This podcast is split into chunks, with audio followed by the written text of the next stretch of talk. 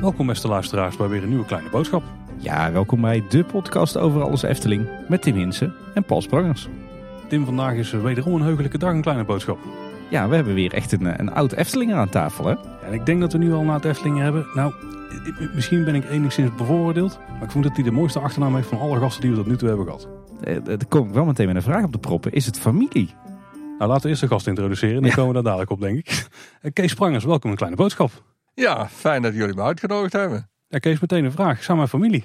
Dat moet ik met ja beantwoorden. Want eh, ja, wij kennen elkaar eh dadelijk al wat langer. En de vader van eh, Paul, die ken ik heel goed, want dat is een directe neef van. Kijk, dus Kees is jouw oud-oom dan, denk ik. Ja, ik weet eigenlijk niet hoe het heet. Achteroom of zo? Nee, achter, ja, ik zou het achterom kunnen noemen. Autoom zeker niet. Kijk, Maar dan ga je een generatie terug, toch? En Kees heeft hier altijd ook bij ons in de buurt gewoond. En eh, mijn vader en Kees die deelden een bepaalde ja, hobby, een semi-professionele hobby. Kweekten alle twee eh, peulen. En eh, ik heb jou heel vaak eh, gezien. We zijn heel vaak bij jou langs geweest om daar eh, ook te kijken hoe jij alles eh, voor elkaar had. Dat, eh, dat klopt. Wij hebben best veel jaren samen opgetrokken. Elkaar eh, ondersteund, maar ook, ook met kennis en, en met machines samengedeeld. Dus in die zin, eh, ja, intensief samengewerkt. Ja, zeker. maar om onze luisteraars even gerust te stellen. Het wordt hier vanavond geen, eh, geen koffieavondje bij de familie Sprangers. We gaan het wel echt over de Efteling hebben natuurlijk, hè? Ja, zeker. Want Kees heeft een hele mooie rol, of meerdere rollen zelfs binnen de Efteling-organisatie eh, bekleed. Misschien even nog eh, kort, want dat is een vraag die heel veel mensen dan denk ik wel eh, op de lippen ligt. Ben je ook familie van Chris Sprangers? Ja, en dan kunnen we wel eh, spreken in de relaties van oud-oom of zo. Want Chris was een, een volle neef van mijn vader. Ja, oké. ja, ja, ja. Want even goed denken bij mij. Het was ook een volle neef van mijn opa. Dat is correct. En ik, eh, kan er nog wel iets leuks over vertellen ook. En dan ga ik naar de periode dat net voor mijn trouw eh, ik via via hoorde dat eh, de vader van Christ, die samen met Christ op de heikant woonde, wat nou de Kinkerpolder is, Ja. die eh, ging om gezondheidsredenen in eh, ergens januari 74 naar eh, een bejaardenhuis, Rozengaarde. En Christ woonde samen met zijn vader onder één kap. Er waren twee kleine arbeiderswoningen. Christ had de rechterwoning en een hele bovenverdieping. En zijn vader de linkerwoning. En eh, dat deel kwam dus vrij. Ik stond op het punt om een studie af te ronden en eh, had trouwplannen. Maar moest uiteraard dan ook eh, huisvesting hebben. En eh, ik kon met Christ een deal sluiten om eh, dat pandje te huren van hem. Intentie was voor een paar jaar, want hij wilde het gaan verbouwen. Maar het was voor mij een eh, schitterende gelegenheid om eh, een start te maken. Dus ik ben getrouwd dat jaar. Na eerst een, kleine, een paar kleine aanpassingen aan het pandje gedaan te hebben. En ben dus naast Chris gaan wonen. Dus daar is een, beetje de Efteling-besmetting misschien al gekomen. Nou, die zat er al veel eerder. Oh, hoor, want ik kan me herinneren dat wij. ja, ik ben van 1951. Dus wij werden als kleine kinderen al geconfronteerd met de Efteling. En eh, op het fietsje richting de Efteling. En dan met eh, een, bruine abonnementskaart eh, met een schoenveter om de nek gingen wij het park in. Dat was echt in de beginperiode, jaren 50. Oh, zo. Ja, want ik, ik moet toch even inbreken in jullie familiegeschiedenis heren. Want voor de luisteraars die niet zo goed ingevoerd zijn. Als ik het goed zeg is eh, Chris Prangers is zo'n beetje de eerste medewerker van de Efteling geweest. Heeft hij eh, volgens mij nog aan de wieg gestaan van eh, onder andere de speeltuin. En is hij uiteindelijk doorgegroeid naar eh, directeur park denk ik. Hè? Hoofd, hoofdpark, ja. Ja. Ja, Chris, die, maar die heeft ook een duidelijke relatie met mijn komst aan de Efteling. Daar komen we straks misschien nog op. Maar de situatie was zo dat eh, Chris woonde dus eh, aan de heikant. En eh, van het vroegere boerderijtje was grond, wat nu allemaal onderdeel is van de Efteling, was door hun nog deels in gebruik en werd ook deels aan de familie verhuurd. Maar eh Christ is vanaf het begin betrokken geweest bij de opbouw van de Efteling. En daar in dienst gebleven en verschillende functies gehad. Voordat we daar door je carrière gaan lopen, Kees, misschien eerst even kijken naar nu. Eh, waar hou je je tegenwoordig mee bezig? Ik, eh, ik doe eh, ontzettend veel vrijwilligerswerk. Ik ben als voorzitter van de seniorenvereniging, KBO Kaatsheuvel, actief. ik was tot voor kort voorzitter van een kleine appartementencomplex in het centrum van Kaatsheuvel. Vanuit mijn professie onderhoud en beheer heb ik daar ook uh, de onderhoudsplannen voor geschreven. Meerjaar onderhoudsplan en, en de beheerdersrol gedaan. En daarnaast ben ik nog behoorlijk actief als vrijwilliger voor onze eigen stichting Kinderhulp Sri Lanka, die al meer dan twintig jaar bestaat. Nou, daar wil ik ook zeker nog even over hebben. Zoals gaan kijken, jij bij de Efteling terecht bent gekomen, Kees. En dan beginnen bij jouw opleidingen. En ja, misschien ook wel hoe jij in je jeugd dan de Efteling hebt ervaren. Want dat klonk ook wel interessant net. Ja, hoe heb ik in mijn jeugd Efteling ervaren? Het was uh, natuurlijk uh, een, een, grote speeltuin en, en daarnaast het Sprookjesbos. waar nu Droomvlucht en Villa Volte staan, lag het voetbalveld van Desk 1. En ik heb als kind daar best met grote regelmaat langs de lijn gestaan. Dus dat was voor mij de belangrijkste belevenis. Daarnaast, in de wintermaanden eh, konden we, toen hadden we nog echte winters, met regelmaat schaatsen op de grote roeivijver.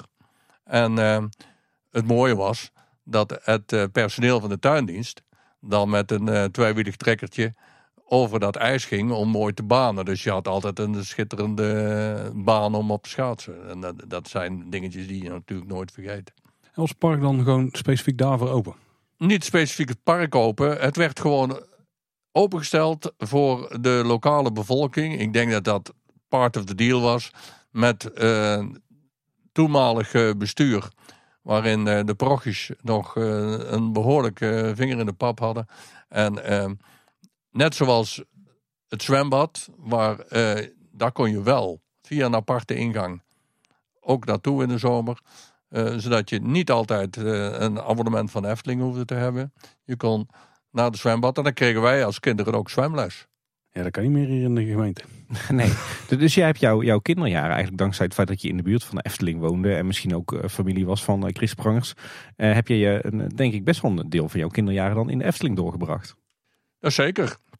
En dan moet je vooral kijken naar de periode van uh, wat wij dan noemden de, de lagere schooltijd. Want daarna dan ga je naar school buiten de eigen plaats. En uh, dan krijg je ook andere activiteiten, belangstelling voor andere dingen. Dus het is vooral de periode geweest tot zeg 12 jaar dat wij veelvuldig in de Efteling waren. Ja. Nou, dat is een beetje zo uh, eind jaren 50, begin jaren 60. Uh, ja, als het, ik, heb gezegd van welk jaar ik ben. Dus ja, dat houdt in dat ik tot begin jaren 60 uh, eh, veelvuldig in de Efteling kwam. En daarna een hele periode niet. Heb jij nog eh, veel herinneringen aan hoe de Efteling er toen uitzag en hoe het er toen aan toe ging in de Efteling? Ja, en wat ik aangaf, het Sprookjesbos was natuurlijk een belangrijk onderdeel. En, en de grote speeltuin. En het zwembad. En ja, hoe het eraan toe ging. Het was allemaal heel gemoedelijk, heel familiair. Je kende veel mensen. Mensen uit je directe omgeving die er werkten. Dus het kwam voor ons heel vertrouwd over. Uiteindelijk uh, het duurde tot 1993 voor je bij de Efteling in, uh, in dienst ging. Je zou misschien verwachten met zo'n familienaam dat het eerder, eerder zou zijn. Maar wat heb je, heb je eigenlijk tot die tijd gedaan? Toen ik van de lagere school afkwam, ben ik naar de LTS gegaan. Want mijn buurjongens die iets ouder waren dan ik, die sleutelden al volop aan brommertjes en zo. En dat vond ik hartstikke interessant. Dus ik denk, dat moet ik ook gaan doen. Dus ik ging uh, naar de betaalopleiding. En daar had ik destijds een praktijkleraar die uh, me streng aankeek en zei van... jij kunt meer dan alleen maar wat bankwerken. Dus jij gaat een halve dag in de week extra theorie doen, zodat je een vervolgopleiding doet. Mijn vader zag er overigens wel zitten. Want hij had destijds een lagere school te horen gekregen dat hij niet direct moest verwachten dat een zoon van een tuinder zomaar een kantoorklerk kon worden. Hm. Dus mijn pa die had er echt wel iets van en jij zult werken aan je studie en je zult er iets mee doen. Als oudste jongen in het gezin uh, was dat best een uitdaging. Maar na mijn LTS ging ik naar de UTS en dat ging goed. En ik kreeg steeds meer belangstelling eigenlijk om, om verder op te komen. Want uiteindelijk daar dat ik ook de HTS erachteraan deed. Dat betekende dat ik een vrij gedegen, maar lange opleiding volgde. En eh, na het afronden van eh, de HTS werkgebouw, waarbij ik mijn afstuderen bij Philips heb gedaan, had ik het idee, ik ga naar Philips toe. Er zat alleen nog een kleine kink in de kabel, want ik moest nog in militaire dienst. Ik had uitstel wegens studie, maar goed, ik moest in militaire dienst. Daar viel niet aan te ontkomen, maar eh, bij de keuring had ik al te kennen gegeven, als dat dan toch moet, dan wil ik ook iets leren in dienst. Dus dan opteer ik voor een officiersopleiding. Dat was al wel mogelijk, alleen dan moest er wel even gekeken worden of dat er ook vacatures waren. Want voor een officiersopleiding moesten er gericht vacatures vrijkomen, wil je dat kunnen volgen. En ik had te kennen gegeven dat ik graag bij de panzerinfanterie in de bos wilde, want het was lekker dicht bij huis. Ook belangrijk. Een ander had tot gevolg dat ik eh, niet rechtstreeks na mijn studie uh, militaire dienst in kon, maar nog een half jaar moest wachten. Op zich niet zo bezwaarlijk, want ik had stage gelopen bij Lips in Drunen ook. En uh, daar waren ze ontzettend blij met mijn vraag of ik daar een halfjaartje kon komen werken. Dus ik ben daar op de tekenkamer gaan werken, een half jaar. Daarna militaire dienst. Die uh, was iets langer dan voor gewoon Jan Soldaat, maar dat was niet zo erg. En gedurende de periode dat ik daar uh, nog mee bezig was en paraat zat in een bos, uh, werd ik gebeld door mijn chef, voormalig chef tekenkamer. Die zegt van, alsjeblieft, als je uit dienst komt, kom bij ons terug. We zijn inmiddels Alcoa geworden en gigantische investeringsplannen. En dat kan je ook goed gebruiken. Het gevolg was dat ik dus uh, in 76 naar uh, Alcoa in Drunen ging. bekend van de scheepsschroeven, denk ik, hè? Nee, uh, Alcoa was aluminium. Dus Lips was scheepsschroeven. En daar hangt een heel verhaal aan vast. Maar toenmalig Lips bestond uit meerdere onderdelen. En omdat ze ook een eigen smelterij hadden, uh, betekende dat naast scheepsschroeven er ook koperextrusie gedaan werd. En een ASEA pers werd uh, gebouwd voor koperen buizen. Met die ervaring uh, en de inkoop van schroot kwam er ook steeds meer aluminiumschroot. En het gevolg was dat die idee opgepakt werd om ook een aluminiumsmelter te installeren. En daaruit is de hele aluminiumproductie ontstaan. Aha. En de aluminiumextrusie en de walserij. En later eindproducten, begin jaren 70, die uh, enorme vlucht namen onder het bewind van Alcoa. Ik kwam daar dus in 76. Toen was eh, net die eindproducten, nieuwe hallen waren allemaal gebouwd. En de eerste paar jaar werd daar dan ook niet veel mee gedaan. Maar na twee, drie jaar was er behoefte om daar uh, te investeren. En met name productielijnen voor kassenbouw, voor de bouwproducten, et cetera. En wat had men daar nodig? Speciaalmachines voor het bewerken van die producten. En laat nou net mijn ervaring liggen, mijn opleiding in de bouw van speciaalmachines, fijnmechanische techniek. Ik was begonnen bij, uh, in mijn opleiding in Tilburg bij een docent die uh, zelf nog studeerde aan de TU Eindhoven, maar voor de fijnmechanische techniek zijn informatie mee naar ons toe bracht. Dus wij hadden een voorsprong. En mijn afstuderen bij Philips was ook fijnmechanische techniek. Bouw van een speciaal machine. Dus dat sloot mooi op elkaar aan. En ik uh, werd uh, al snel uh, een projectleider voor de bouw van die speciaalmachines. En toen ik bemerkte dat er mensen om mij heen een beetje langs mij heen schoten omdat die productieleider werden, heb ik de brutaliteit gehad om op een bepaald moment buiten de deur te gaan solliciteren voor een rol als chef van een gereedschamakkerij. Een stempelmakerij in de bos. Naïef dat ik was, ik wist niet eens dat die uh, chefs van personeelszaken contact met elkaar onderhielden. Oeps, ja. Dus ik kon na mijn vakantie terug en ik moest gelijk bij personeelszaken komen. Oei, wat heb ik nou verkeerd gedaan? Want in die periode was ik al actief in de tuinbouw. En ging ik naar de veiling in Drunen en kwam ik regelmatig met een volle aanhanger met kratjes. Die dan de hele dag op het parkeerterrein uh, geparkeerd stond. mooie situatie was dat men op dat moment inzag van ja, als we niet oppassen, dan, uh, dan gaat Kees toch elders werken. En ik kreeg het aanbod om chef van de gereedschamakkerij te worden. En waar ik voor solliciteerde was een bedrijf met 15 man personeel en potentieel om te groeien. Maar bij Alcoa kreeg ik gelijk een afdeling met 35 man personeel met groei. Dus ja, dat was voor mij een ideale kans. Tot een paar jaar later eh, de vraag kwam of ik toch die functie niet wilde inleveren voor een collega die terug wilde naar die positie.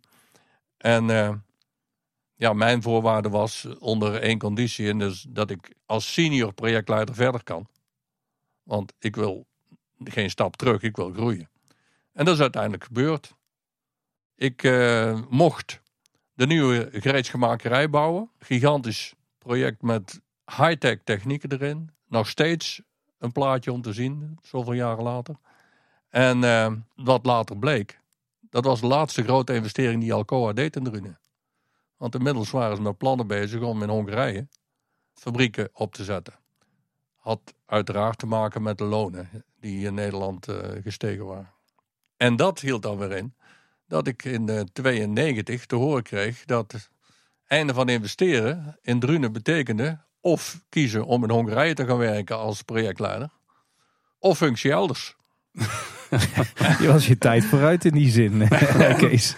Ja, ja, als je dat dan zo bekijkt, ja, dan, nog, waar we later wellicht op komen, toch nog een politieke relatie ligt, dan uh, geeft dat te denken.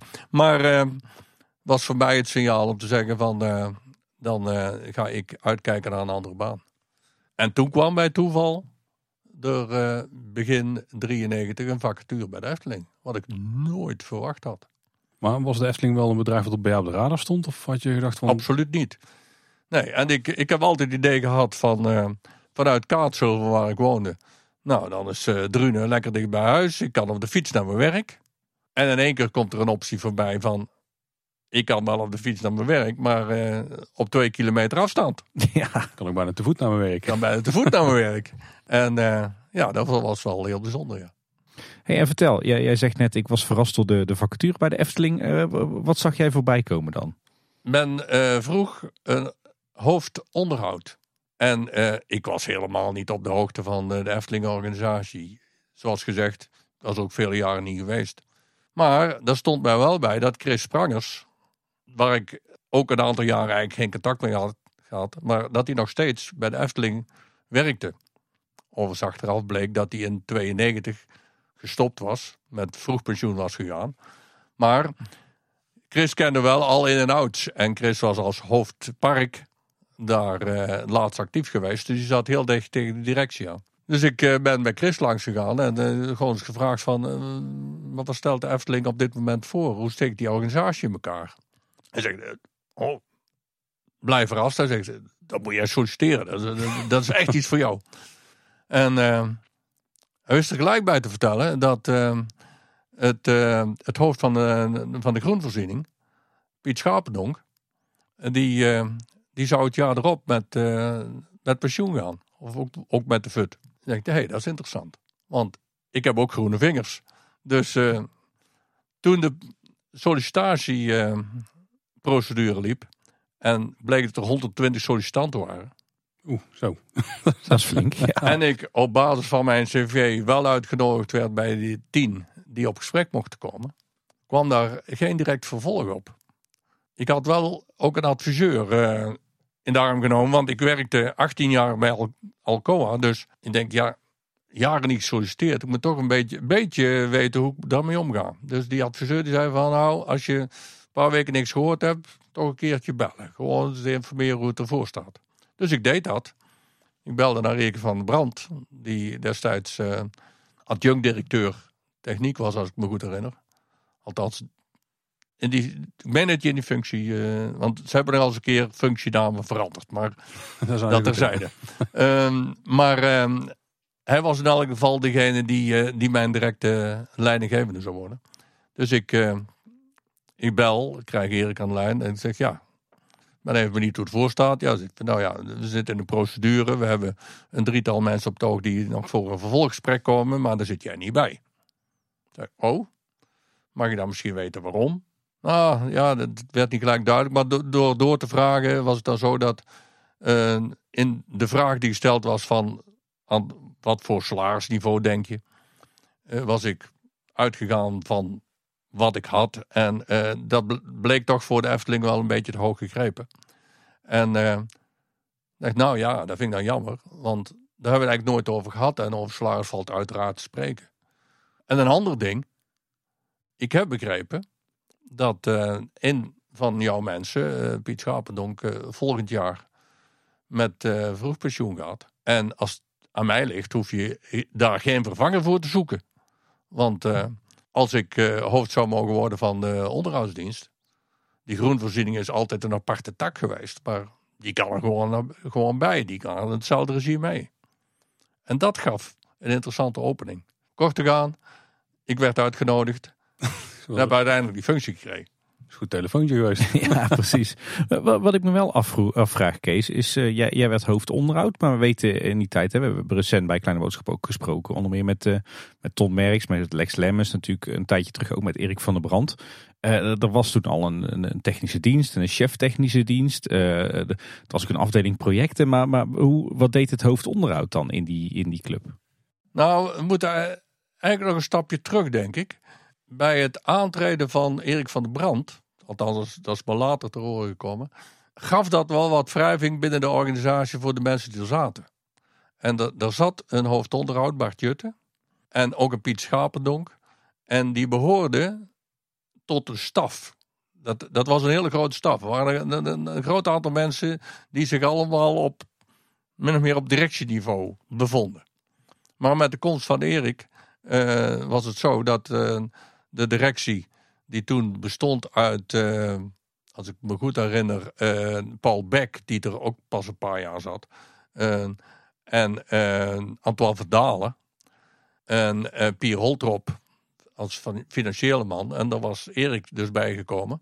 En Erik, die kreeg dus heel die kreeg projecten en uitvoerende diensten onder zich. Hoewel Erik een echte projectenman was, werd ook de uitvoering aan hem toebedeeld. En zakte eigenlijk eh, een eh, Piet Schapendonk en, en eh, Bart Jutte in hun rang min of meer terug in die organisatie. Nou, voor Bart Jutte betekende dat dat hij ook vroegtijdig gestopt is. Dus er was op dat moment geen hoofdonderhoud meer. De organisatie was dusdanig opgezet dat er voor de verschillende vakdisciplines vier hoofden van dienst waren. Een man voor het bedrijfsbureau, Theo van Oerle. En eh, Leo Pulles voor alles wat met bouwdienst te maken had. Maar er viel ook schilders, decorateurs en alles onder. Ehm, en eh, Ton Merks, die was als diensthoofd verantwoordelijk voor de technische disciplines. Eh, de bankwerkafdeling, loodgieters, maar ook elektro en elektronica. En ehm, Jacques Rijnen, die met de groenvoorziening belast was. We, hebben ze bijna allemaal afgevinkt bij Kleine Boodschap. eh, Dat zou zomaar kunnen. en, ehm, dus er waren vier diensthouden. En het mooie was dat ook in het sollicitatiegesprek, voordat ik aangenomen werd, Erik zei van, eh, ja, hebben we nog één ding. En dat is, ik vind dat je een gesprek moet hebben met die vier mensen die straks aan jou gaan rapporteren. Met die afdelingen die ze hebben. Nou, prima. Voor mij geldt eh, de mensen in de organisatie hartstikke belangrijk. Dus ik ging min of meer met de benen op tafel dat gesprek aan. En dat klikte behoorlijk goed met die vier diensthoofden. Ik denk dat dat ook mede bijgedragen heeft aan eh, het feit dat ik dus uiteindelijk aangenomen werd. Alleen, eh, al vrij snel, ik denk eh, een jaartje later, na mijn aantreden, was het zo dat de Efteling, die meer naar een professionele organisatie toe wilde werken, interesseerde een eh, optimaliseringsproject Midas. En in dat project werd ook gevraagd van eh, kritisch te kijken naar je eigen organisatie. Overigens met hulp van een externe partij. En toen kwam Erik al met de vraag naar mij van, ja, maar heb je eigenlijk wel, wel diensthoofden nodig? En nou, wat mij betreft niet. En Erik kwam met de suggestie, dan, dan ga ik samen met jou kijken welke rol we die vier mensen kunnen geven. Maar eh, dan eh, gaan wij voorstellen dat eh, de chefs uitvoering die onder die diensthoofden zitten rechtstreeks aan jou gaan rapporteren. Nou, prima. Hebben we het als zodanig ingericht. Leopoldus werd al snel, kwam al snel in het plaatje om projecten te doen, omdat hij ook binnen de bouwdienst veel met projecten betrokken was. En binnen de Efteling veel kleinschalige projecten liepen ook, die een specifiek Efteling karakter moesten hebben. En Leo was goed vertrouwd met, met alles wat daarmee te maken had. Groenvoorziening was ook een hartstikke duidelijk verhaal. Uh, daar, uh, dat loste zichzelf op. Piet Schapendonk, die, uh, die was al weg, denk ik. En, en Jacques zou als uit, hoofduitvoering daar gewoon ook aan mij rapporteren. Theo van bleef verantwoordelijk voor het bedrijfsbureau. Alleen Tom Merks was, dat was een beetje lastig. En die moest eigenlijk van een leidinggevende functie naar een staffunctie toe. en de rol van maintenance engineer op gaan pakken. Heeft hij ook wel even gedaan, maar Ton kwam al snel tot het inzicht van... Uh, het lijkt mij verstandig om buiten de deur te kijken, wat hij ook gedaan heeft. En, en met succes. Ja, zeker. Ja. Even voor mijn beeldvorming, want um, hoofdonderhoud klinkt niet als uh, degene waar dan die, al die verschillende disciplines aan rapporteren. Hoe is, is die rol een beetje veranderd in de loop der tijd? Ja, maar het had, het had vooral te maken met uh, de titeltjes die er gevoerd werden. Hoofdonderhoud sloot aan bij een titel als ook hoofdpark of hoofdhoreca. Wat je op de dag van vandaag uh, overal het titeltje manager bij zou zetten, wat ze ook doen. of teamlead gebruiken ze tegenwoordig. Ja. Maar voor, voor die tijd, het heeft allerlei namen gehad. Maar het ging er natuurlijk op de eerste plaats om op, op wat voor niveau acteer je binnen die organisatie. En binnen hoofdonderhoud, ja, daar, daar vielen al die uitvoerende diensten onder. Maar ik was niet verantwoordelijk voor projecten, maar leverde wel personeel voor die projecten. Ja, oh zo, ja, ja. Eigenlijk is het een beetje waar, ze tegenwoordig, de, tegenwoordig goed heet de afdeling binnen de Efteling onderhoud en services. En dan heb je een teamlead uh, planning en beheer en een teamlead uitvoering. En ik denk dat het hoofdonderhoud in jouw tijd een beetje een combinatie was van die twee. Het was een volledige combinatie. Ik had... Uh, wat ik zei, Theo van Oerlen met uh, bedrijfsbureau. Maar bedrijfsbureau was de werkvoorbereiding. Dat was wat ook belangrijk was. Dat uh, zelfs nog voor mijn uh, komst bij de Efteling er al ideeën waren van een stukje automatisering. Alleen, onbegrijpelijke reden, werd gezegd van... wij wachten tot er dat nieuwe hoofdonderhoud er is... voordat de finale keuzes gemaakt worden. Er was een plan om Rapier als onderhoudbeheersysteem te introduceren. hebben we ook gedaan. Alleen al heel snel bleek dat de hele organisatie uh, naar automatisering toe wilde. En daar was Rapier absoluut niet voor geschikt. Een uh, gevolg is geweest dat SAP, een heel bekend systeem tegenwoordig bij heel veel bedrijven uh, in gebruik, wat toen opkwam, veel geschikter was. Mm, en binnen SAP had men ook een onderhoudsmodule. Alleen die onderhoudsmodule die uh, sloot niet helemaal aan bij onze ideeën. En, en, en dan moet ik zeggen, daar was de stem van Erik van der Brand dan ook wel heel duidelijk. Die zegt van ja, ik, ik streef naar veel meer projectmatige aanpak. Dus je kunt de onderhoudsplan maintenance dingen wel gebruiken, maar PS-module uh, voor de projecten is, is veel belangrijker voor ons. En daar zijn we ons op gaan richten. Dus we zijn al na een paar jaar heel het rapierverhaal uh, vaarwel gaan zeggen en alles omgezet naar SAP. Uh, was op de dag vandaag nog meer werken. Ja, dan ben ik wel benieuwd, eh, Kees, want je begon dus in 1993. Wat trof je eigenlijk aan toen je bij de Efteling begon? Ik trof een hele bijzondere situatie aan. En uh, dan moet ik nog terug naar het moment dat ik, ik werd begin april aangenomen. Maar ik vond dat ik wel op een nette manier bij Alcoa ook de zaak moest afronden. Dus had al beredeneerd, ik werk tot mei uh, bij Alcoa. Dan heb ik nog, uh, of half mei, nog een week of zes om daar de zaken netjes af te ronden. En dan neem ik zes weken vakantie. Ik had in die tijd al als nevenactiviteit de tuinderij van mijn ouders overgenomen. En uh, ik kon in die zomermaanden die zes weken hartstikke goed gebruiken. Om allerlei zaken te regelen. Dan is het te druk, kan ik vertellen. Ja tegelijkertijd was dat een mooi moment om te zeggen: als ik 1 juli begin, dan kan ik in het hoogseizoen eens goed om me heen kijken en sfeer proeven. Om dan vanaf september gericht te gaan werken aan de plannen en begroting, et cetera, voor het jaar erop. En ik had wel gezegd tegen Erik van der Brand, als ze nou interessante dingen voordoen, een belangrijke vergadering of een bijeenkomst ergens van, mag je me gerust uitnodigen, want ik ben in principe thuis vanaf half uh, mei. Nou, dat gebeurde dan ook. En uh, heel bijzonder is bij jullie ook voorbij gekomen. Ik heb het gehoord in enkele podcasts. Dat uh, de komst van Euro Disney in 92 had voor Europa heel veel impact. Met name voor die bestaande parken. En de komst van Euro Disney was mede aanleiding om de GET te starten, Greatest European Theme Parks. En hoewel dat aanvankelijk heel gericht vanuit directieniveau en zo opgepakt werd, bleek al snel dat uh, onder andere afdeling marketing en uh, dergelijke, dat wisselde niet zo vlot uit. Men had dan toch wel terughoudend was men met het uitwisselen van informatie. Maar terechte keuze, Erik van der Brand zegt van ja, wij kunnen als techneuten veel vrijer met elkaar omgaan en informatie uitwisselen. Sterker nog, we kunnen elkaar ondersteunen als het gaat over afspraken met leveranciers van achtbanen, et cetera. Want we hebben in een aantal gevallen dezelfde apparatuur staan. Concreet betekent dat dat er bijeenkomsten voor de GET uh, gehouden werden. En uh, Erik van der Brand die nodigde mij uit om uh, mee naar een Europapark te gaan. En overigens daarvoor de opening van Droomvlucht.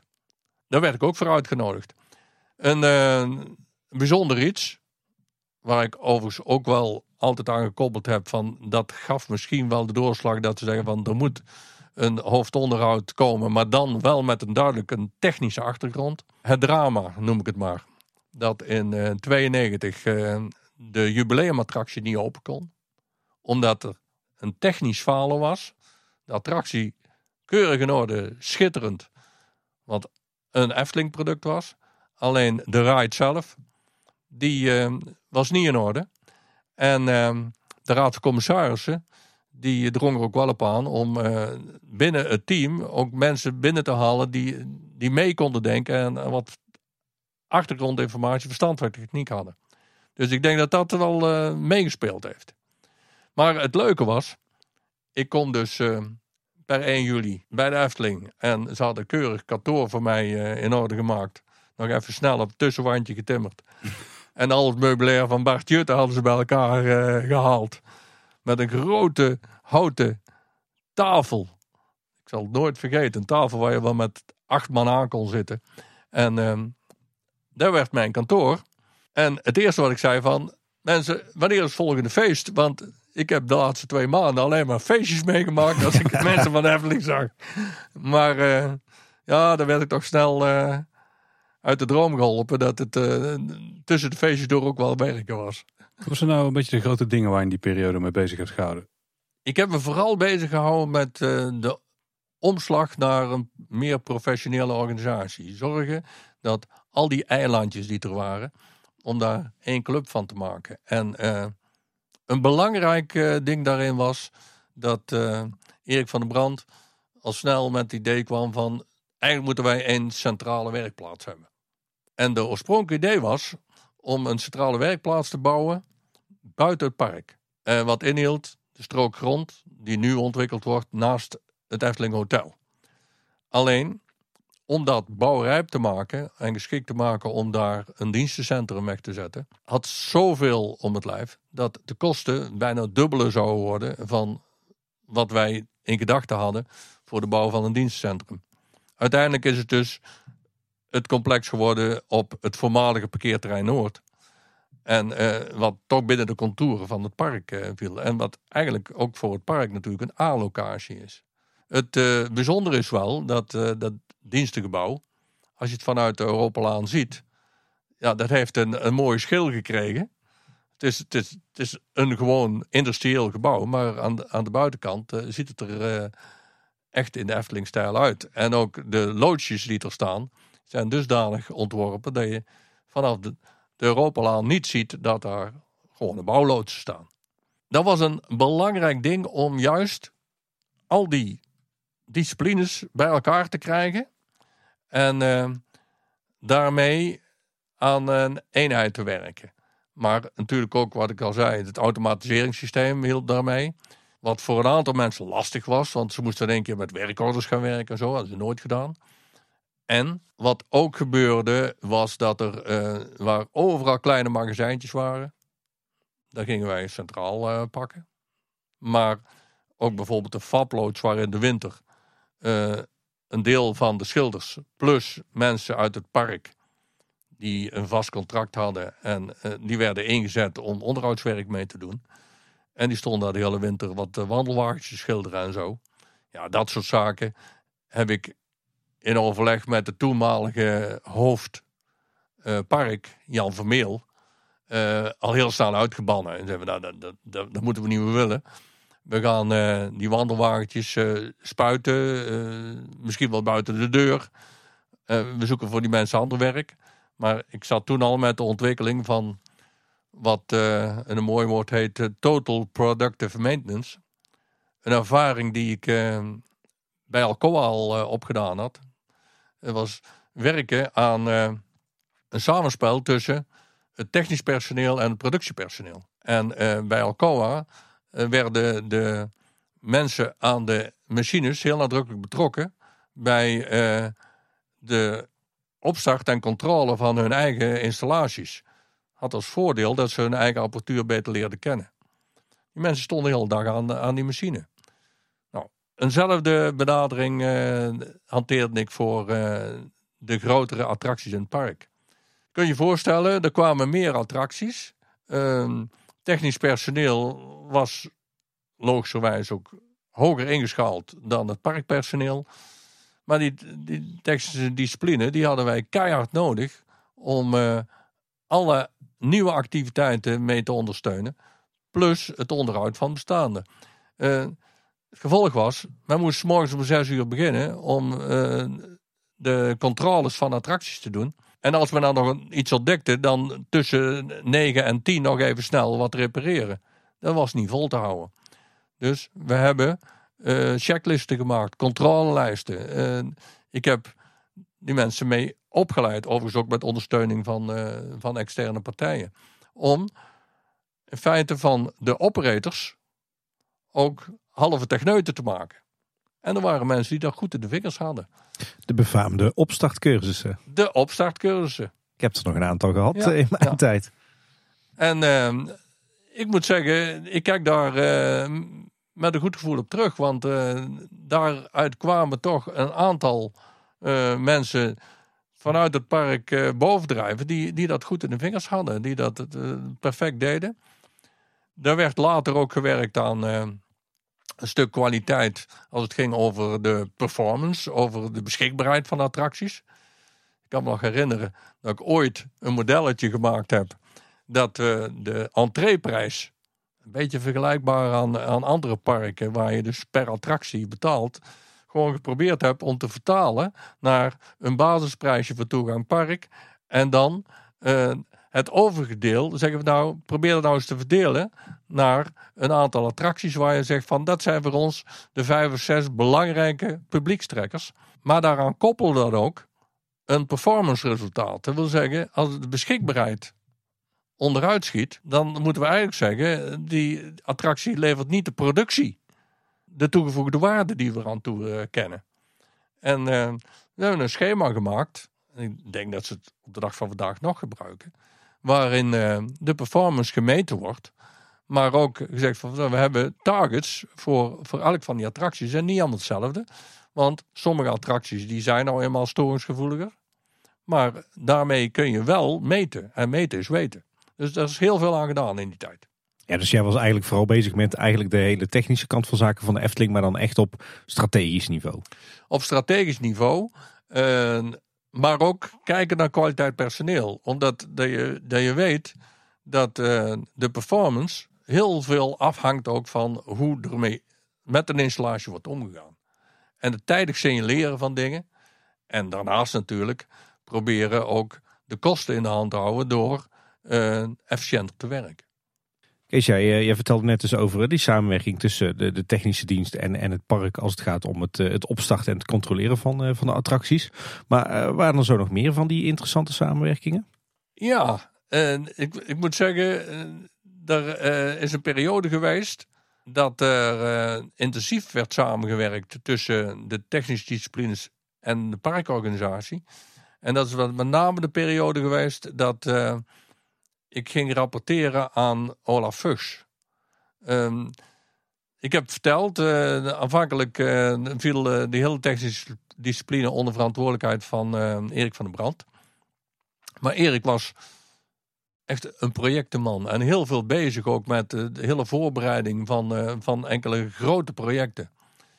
En ook betrokken bij de realisatie van een aantal projecten. maar ehm, de visie van Erik, die ging op bepaalde punten wat afwijken van, van mijn visie. Uh, Erik, uh, afkomstig uit de bouwwereld, uh, had zoiets van: alles kun je projectmatig aanpakken. Dus je kunt ook voor elk project personeel inhuren. Je kunt, en het grote voordeel daarvan is: een project is eindig. Dus ook dat personeel voor dat project, dat houdt op een gegeven moment op. voor mij ging het erom dat wij aan kwaliteit personeel moesten werken. Uh, wat inhield dat ik veel tijd besteedde in de wintermaanden om eigen mensen ook op te leiden. Om, om daar een groot aantal, met name de, de op de vloer, naar een wat hoger niveau toe te brengen. Maar wat ook meespeelde was dat er uh, steeds meer handjes nodig waren om het onderhoud te realiseren. En uh, in die tijd waren we nog een seizoenbedrijf. In de wintermaanden waren er een aantal mensen die met name bij hun attracties en zo bewezen hadden uh, goed gevoel te hebben voor een stukje techniek en onderhoud. Die hielden graag betrokken bij die attracties. En um, een aantal daarvan moesten noodgedwongen thuis zitten of, of elders gaan werken. En uh, Erik van Brand had een beleidsplan gemaakt wat meer ging naar uh, de tendens van uh, een aantal sleutelfunctionarissen in de organisatie die dingen, processen kunnen aansturen. En, maar de handjes halen we voor een belangrijk deel van buiten. Um, terwijl dat ik uh, met Jan Vermeel, hoofd park, zoiets had van, ja, maar we moeten elkaar ondersteunen. Dus ik schreef een eigen beleidsplan, uh, waarin ik veel meer een beroep deed aan uh, de directie om een sterke eigen discipline te houden. En dat aan te vullen in de wintermaanden met mensen uit het park. Waarmee dus, uh, en dat was het bijzondere, de rekensom uiteindelijk een stuk goedkoper uitviel. Want de vaste lasten die waren verrekend in uh, de lonen van uh, de personeelsleden technische diensten. En al die mensen die ik in de winter uit het park erbij trok, die konden tegen variabele kosten meedraaien. En dus tegen een veel lager uurloon werken. En dat klonk uh, zowel uh, Van de Zeil, toenmalig algemeen directeur, als ook Olaf Fuchs goed in de oren. Gevolg was dat ik met mijn club aan Olaf Fuchs ging rapporteren. En het allemaal onder verantwoordelijkheid van Olaf kwam. Maar het bijzondere was, Olaf die zocht binnen zijn stafteam ook meer integratie. Dus wat deed hij? Die zei van, als er uh, zomeravonden zijn en we komen handjes tekort, heb ik graag dat er uh, vanuit uh, de technische discipline mensen mee bijspringen. Ik laat mensen mee roleren in het park, dus je gaat een, een dagje in het park meedraaien. Iedereen gewoon roleren. En het mooie was, en dat zijn dan leuke dingen om terug te kijken, als er dan op drukke dagen geparkeerd moest worden op de Horst toen mochten we het allemaal nog zelf doen. Tegenwoordig moet je opgeleide verkeersregelaars hebben. Maar dan uh, deed Olaf Fuchs zelf net zo hard mee en ik ook. En dan stonden we tot, uh, tot in de nacht uh, dat verkeer af te wikkelen. Maar ook bij een hotelbrand, en dat is een bijzonder verhaal geweest. En ik durf het niet exact te zeggen. Het zal geweest zijn in 2003 of 2004. En ik was op, die, op dat moment al actief in de politiek. Toen uh, was ik overigens geen hoofd uh, onderhoud meer. Toen was ik al actief als projectmanager personeel. Toen uh, gebeurde het dat ehm, de brand in het, in het hotel, die ontstond op een witte donderdag, s'avonds laat. En ik kwam uit een politieke vergadering en de verslaggever, Jan het Groen, ook een bekende naam in Kaatsheuvel. Zeker Jan het Groen, die eh, had zijn porto bij en die zegt van, er is brand in het hotel. Zeg, Oei, dat klinkt niet goed. Ja, zegt hij, en ze geven gelijk middenbrand. Zeg, nou, dan moet ik er naartoe. Ja, zegt Jan, eh, ik ga er naartoe. Zeg, ja, mag ik misschien met jou meerijden? Ja, dat is goed. Dus wij er naartoe. Kom daaraan. Politie had de zaak al afgezet. Dus ik zeg tegen Jan: Jan, dag, bedankt voor de lift. Ik ga door. Dus, want ik kon vanuit mijn functie kon ik door en ik kon dingen mee gaan regelen. En Jan die bleef buiten de afzetting. Ehm, het bijzondere was, we hebben heel snel dingen op touw gezet. Eh, eigen mensen, en dan komt de kracht van de eigen mensen weer om de hoek kijken. Eigen mensen mee ingezet naast een Savage en een Dolmans. En eh, we kregen het met z'n allen voor elkaar om eh, de grote wateroverlast die er was vanwege een gesprongen leiding in het trappenhuis, die eh, bedoeld wordt om eh, bluswater naar boven te brengen. En natuurlijk het gevolg van eh, die brand in de linnenkamer, eh, om op zaterdag het hele hotel met al zijn kamers weer vrij te geven, zodat alle arrangementen die er geboekt waren voor de paas door konden gaan. En dat is natuurlijk hartstikke mooi. In eh, minder dan twee dagen was dat bekeken dus. Dat was in minder dan twee dagen bekeken. Een ander voorbeeld, eh, bij hevige regenval een aanbouw van het Witte Paard, plat dak. Eh, afvoeren niet helemaal in orde. Bleef te veel water op staan, stortte een deel van het dak in. En Olaf Fuchs, samen met mij, stond midden in de nacht eh, op locatie om aanwijzing te geven en, en het personeel te ondersteunen. Een calamiteit met de Python, waar toch heel ernstige dingen waren waar mensen een trauma aan opgelopen hadden. Daar eh, konden we met een eigen team van slachtofferhulp eh, ondersteuning aan geven. En dat is, dat is vaak gebeurd. En we hebben in een later stadium ook eh, met slachtofferhulp trainingen gedaan, cursussen gevolgd, om dat naar een kwalitatief hoger niveau te brengen. En ook om de overdracht van slachtoffers, die wij in eerste instantie er ook bij betrokken, ook soms gasten. Maar ja, als die gasten weg waren, daar hadden wij geen controle meer op, maar dat dan slachtofferhulp dat keurig overnam.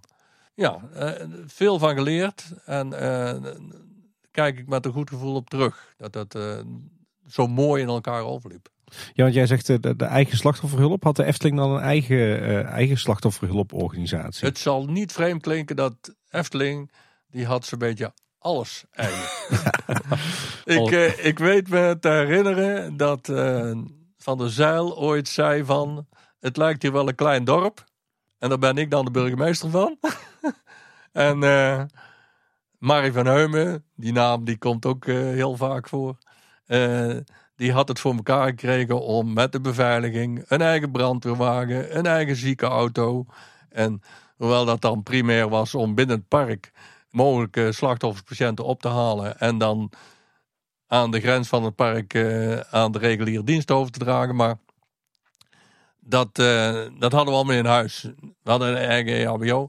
Maar eh er werd binnen personeelszaken ook eh, gericht aandacht besteed aan slachtofferhulp. En ehm, als projectmanager personeel eh, zat ik heel dicht tegen personeelszaken aan. Feitelijk, ik hoorde op papier onder de technische discipline.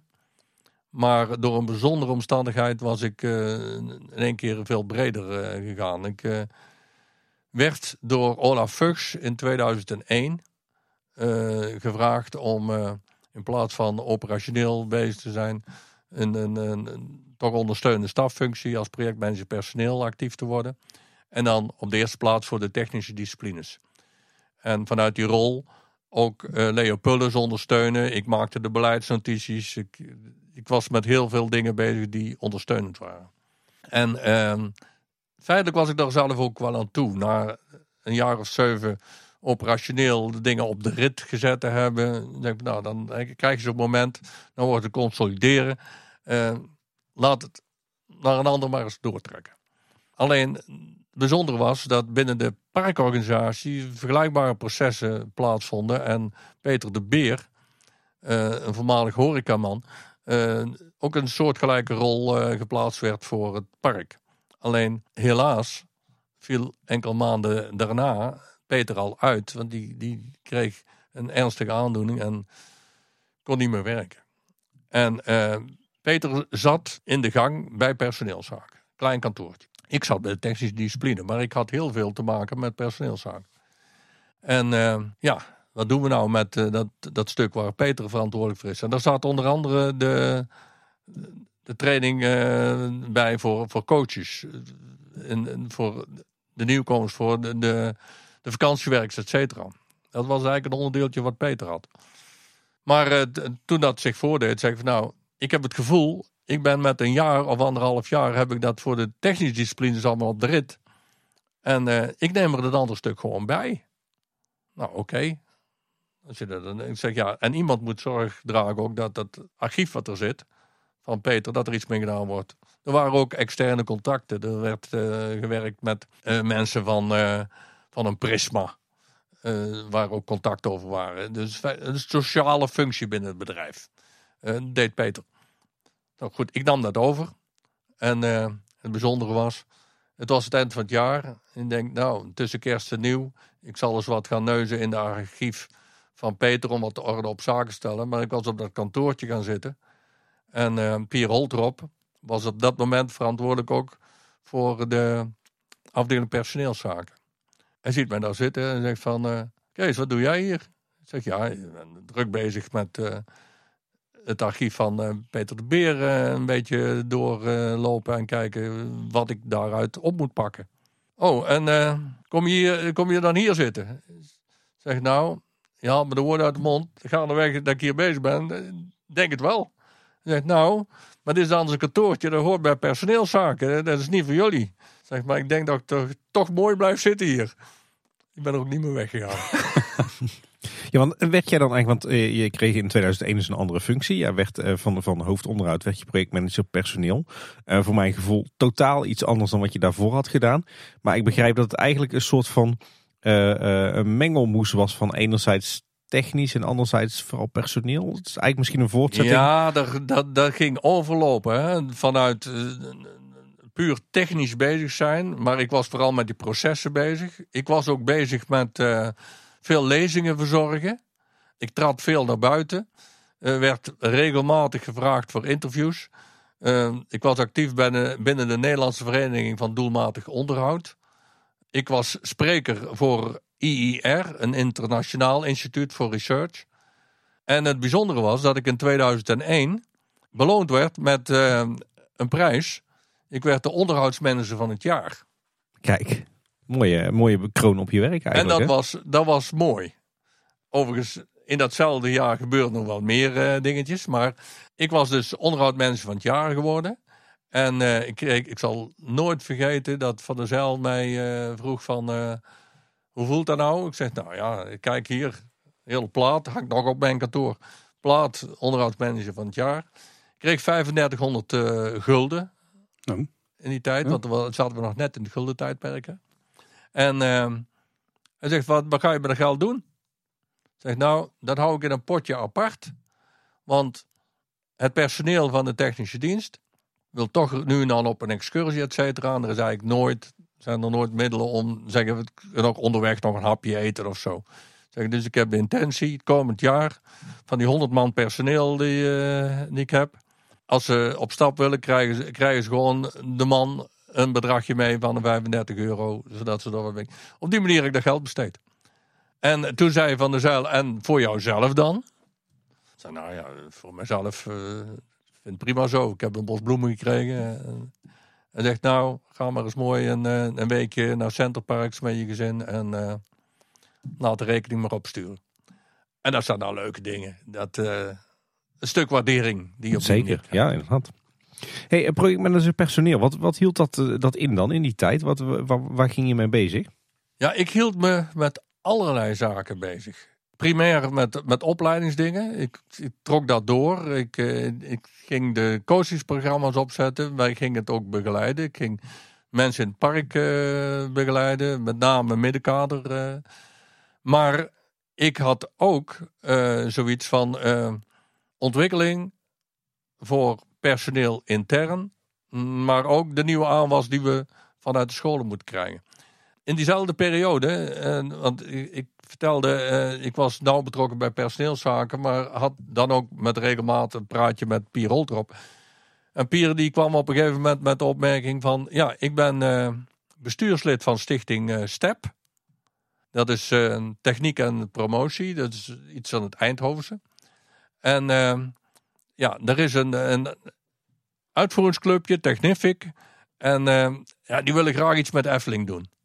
Kun jij daar iets mee? Ik zei, ja, kan ik altijd wel iets mee. Ik eh, ga wel kijken wat die, die groep wil. Nou, waar kwam het op neer? Ze wilden eigenlijk een, eh, met, met groepen, met klassen, schoolkinderen naar de Efteling komen. Nou, dat paste in het plaatje van de Efteling, want de jeugd moet je hebben. En die schoolreisjes en zo, dat, eh, dat liep best aardig.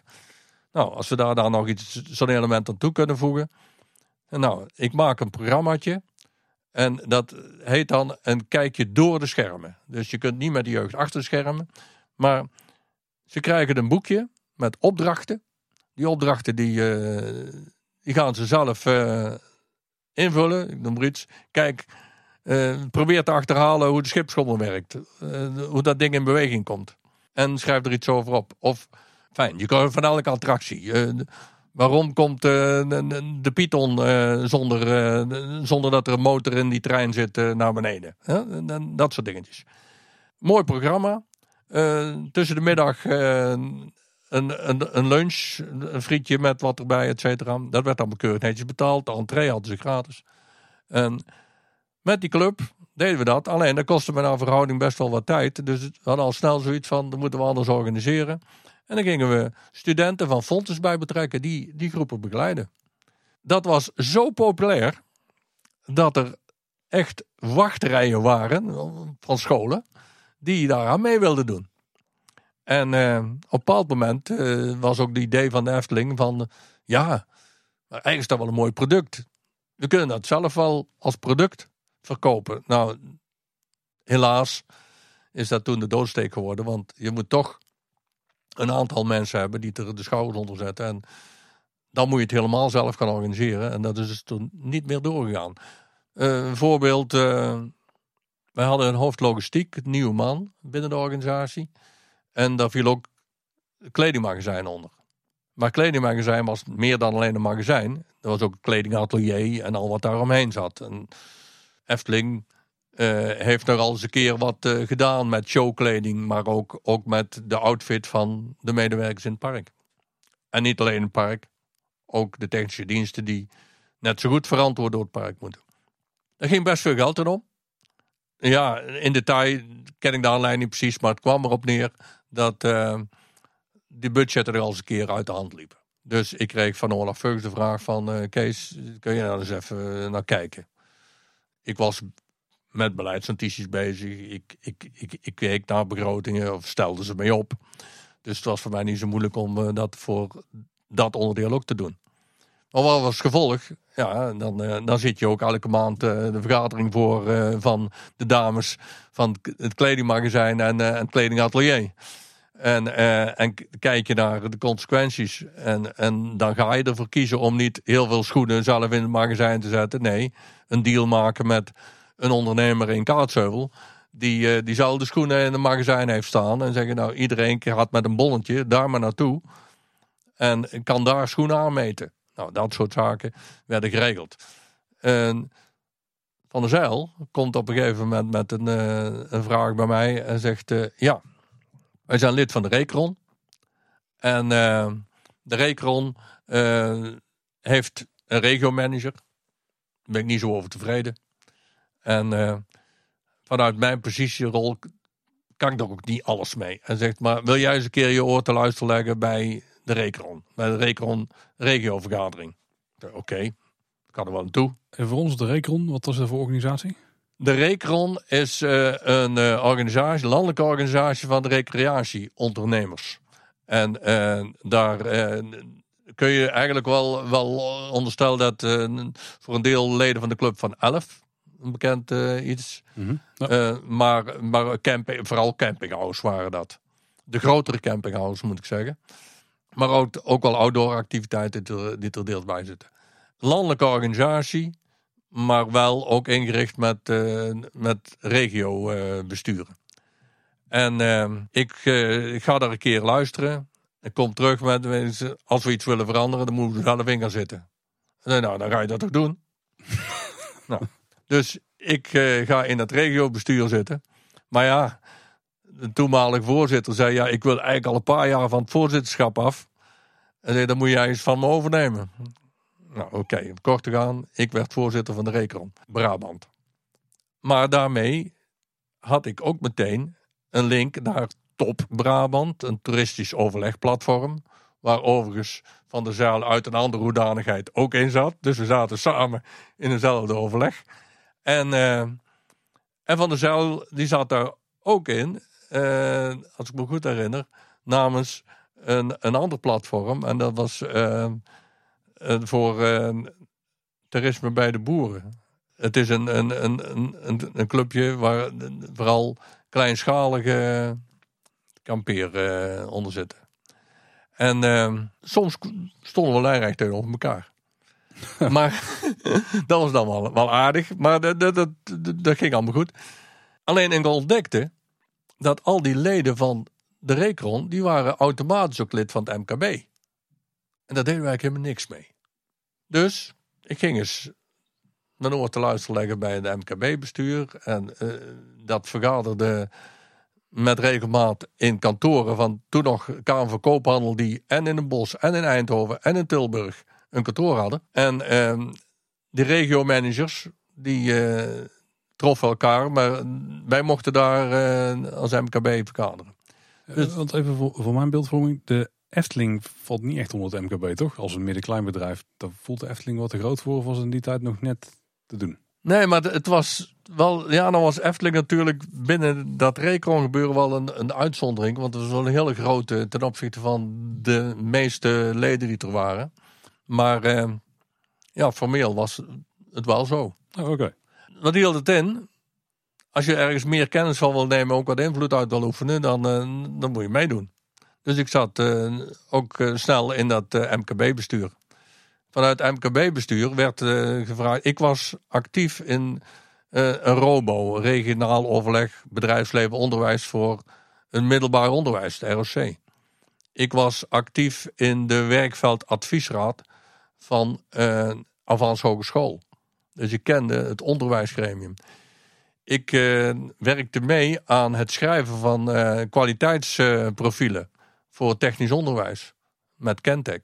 Dit was allemaal nog naast jouw werkzaamheden bij de Efteling? Dat, dat, dat, waren allemaal nevenactiviteiten, dingetjes.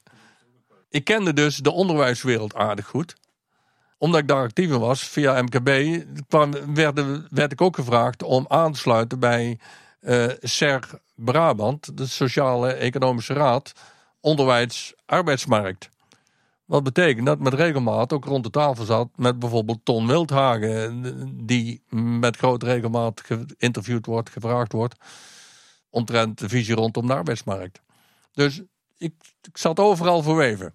Overigens was dat niet alleen voor mij zo hoor, want ik weet me te herinneren dat in die periode ook Erik van der Brand bij de provincie mede actief was bij de afdeling die planologische ontwikkeling deed. In die zin, het Efteling-etiketje gaf op veel plaatsen open deuren. Ze hadden je graag ergens bij betrokken. Maar eigenlijk was jij in, in, die, in die functie ook een soort van vliegende kiep van de Efteling-directie.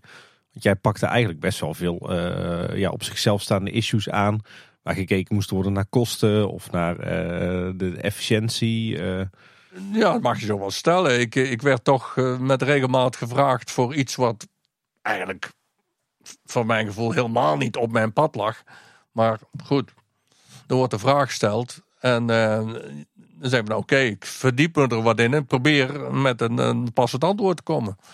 En overigens is dat maar van relatief kort duur geweest. Want al die activiteiten die ik dus deed onder die vlag van uh, voorzitter uh, Rekron. Die uh, hielden op toen er weer stuivertje gewisseld werd binnen de directievoering en Fons Jurgens directeur park werd.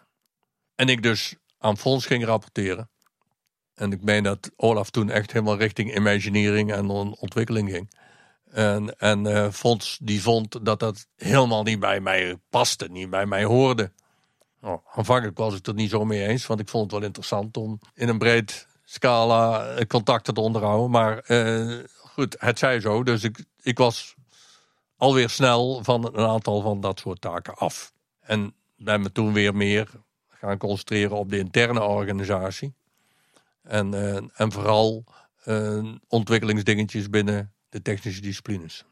Want Kees, je vertelt, je, langzaam maar zeker ging je uh, je weer meer, wat meer bezighouden met de technische disciplines. Uiteindelijk werd jij in 2012 uh, eh, technisch adviseur bij de Efteling. Ja, dat had ook te maken met wisselingen die er opnieuw plaatsvonden binnen functies en rollen. Ik durf niet exact te zeggen hoe het zat wanneer Bart de Boer binnenkwam. Het had daar indirect mee te maken. Uh, Bart de Boer werd uh, aangetrokken als algemeen directeur. Maar Bart de Boer die bracht wat mensen mee die, uh, waar hij nauw mee samengewerkt had. Wat gebeurde er? eigenlijk werd die technische discipline die werd in één keer onder verantwoordelijkheid gebracht van een, een vriend van Bart de Boer. Mies, van Grunsen. En ehm, ja, dat betekende dat zowel Leo Pulles als, als ik naar de achtergrond uh, geschoven werden. Voor Leo uh, heeft dat uh, heel ernstige gevolgen gehad, want Leo kon zich daar niet goed in vinden. En is helaas ook veel te jong gestorven. Voor mij betekende dat ik, dat ik duidelijk ook wat anders moest gaan acteren binnen de organisatie. En um, dat hield in dat ik wel ondersteunend werkte voor die technische disciplines, maar feitelijk uh, geen enkel zeggenschap meer had. En wat, wat deed je dan nog ondersteunend? Ondersteunend uh, was uh, vooral meewerken aan het optimaliseren van de onderhoudsprocessen. je kunt dan denken aan onder andere een, een aantal taken die, die voorheen nog gedaan werden door, door schilders, eigen disciplines van technische diensten, die uh, naar buiten toe gingen, die, die aan derde partijen gegund werden. Uh, waardoor dus in het hele onderhoudsbeheersysteem uh, gereshuffeld moest worden. uiteindelijk resultaat moest zijn dat er een groter aandeel naar derde toe ging. En, en met een kleiner personeelbestand, eigen personeel, de taken ingevuld werden die, die feitelijk ook helemaal uitgeschreven waren. Daar werkte ik aan mee. En voordat ik uh, bij de Efteling gestopt ben, heb ik nog twee jaar gewerkt aan uh, het hele archief. Ik, uh, ik was ook nauw betrokken bij het centrale archief. Wat bleek, wij hadden heel veel documenten, allemaal nog papier. waar wel van gezegd van, ja, er zitten ongetwijfeld waardevolle stukken bij, maar we weten niet wat. Toen heb ik het opgepakt om te zeggen van nou, ik haal al die magazijns leeg, ik haal alles bij elkaar. Ik ga daar nog twee jaar aan besteden om enerzijds te rubriceren, echt de zaken voor te bereiden, zodat het op termijn, als we dingen zouden kunnen gaan digitaliseren, want dat is een, grote stap, kost knap veel geld, om uh, dan al een onderscheid te hebben van welke dingen zijn uh, de moeite waard om te digitaliseren en dus te bewaren en welke niet. Dus ik heb die hele sorteerslag gemaakt, alles gerubriceerd, dingen benoemd. En uh, dat was een hele, een hele forse taak nog. Maar daar heb ik nog, uh, nog twee jaar aan besteed. Ja. Wat voor pareltjes kwam je tegen in die stukken? Ja, wat voor pareltjes kwam je tegen? Uh, sommige mooie documentjes van, van de kopieën van tekeningen. Want de, de, originele tekeningen die, die zaten allemaal in het centraal archief. Maar toch kopieën van tekeningen. Maar ook uh, sommige bouwkundige tekeningen of werktuigbouwkundige tekeningen waar, waar je zegt van ik betwijfel dat die, dat die ergens in het centraal archief zitten. Dat is ook wel, wel een, een, twijfel geweest.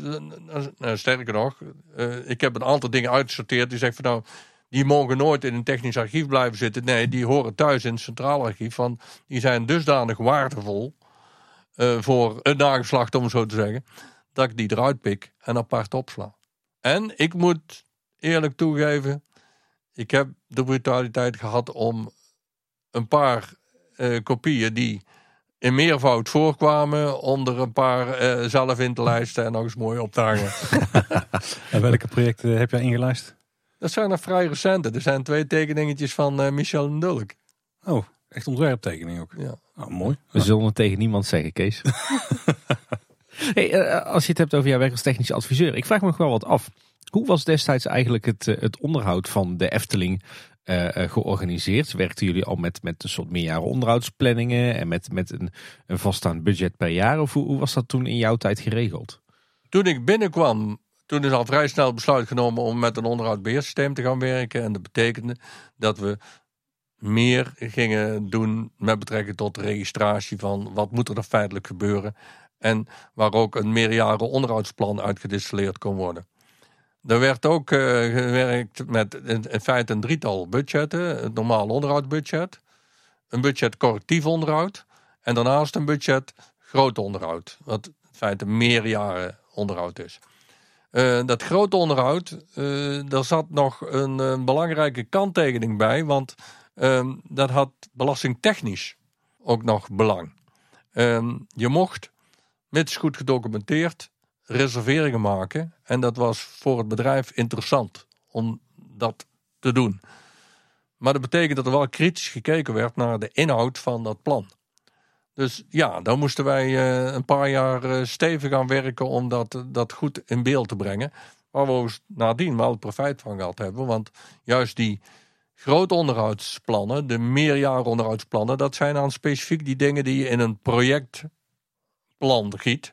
En waar je ook makkelijker externe partijen bij kunt uitnodigen om een prijs voor te maken, et cetera. Dus eh, dat onderscheid was er. De, de, zoals gezegd, correctief, het normale onderhoud en het uh, meerjarenonderhoud. En waren dat dan alleen planningen op papier of werd, werd daar ook echt wel naar gehandeld? Daar werd toch vrij strikt naar gehandeld, ja. En uh, ik kan me herinneren dat uh, de laatste paar jaren dat ik dus uh, als technisch adviseur acteerde, dat ik toen ook toch wel nog kritisch meegekeken heb van welke dingen zijn nou essentieel en moeten echt per se jaarlijks op dat normale onderhoud staan. En welke dingen kun je over discussiëren. Dat heeft dat ook al toegeleid dat er uh, een aantal dingetjes uh, vanaf vielen. Dan we zeggen van nou, dat hoeft niet per se, uh, dat hekje hoeft niet per se elk jaar geschilderd te worden. En sommige dingen kun je ook strategisch kiezen voor een andere aanpak.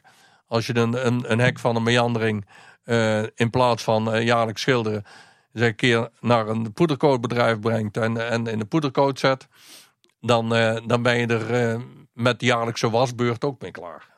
En dan hoef je het helemaal niet te schilderen. En dat was wel een omslag. Slim, slim.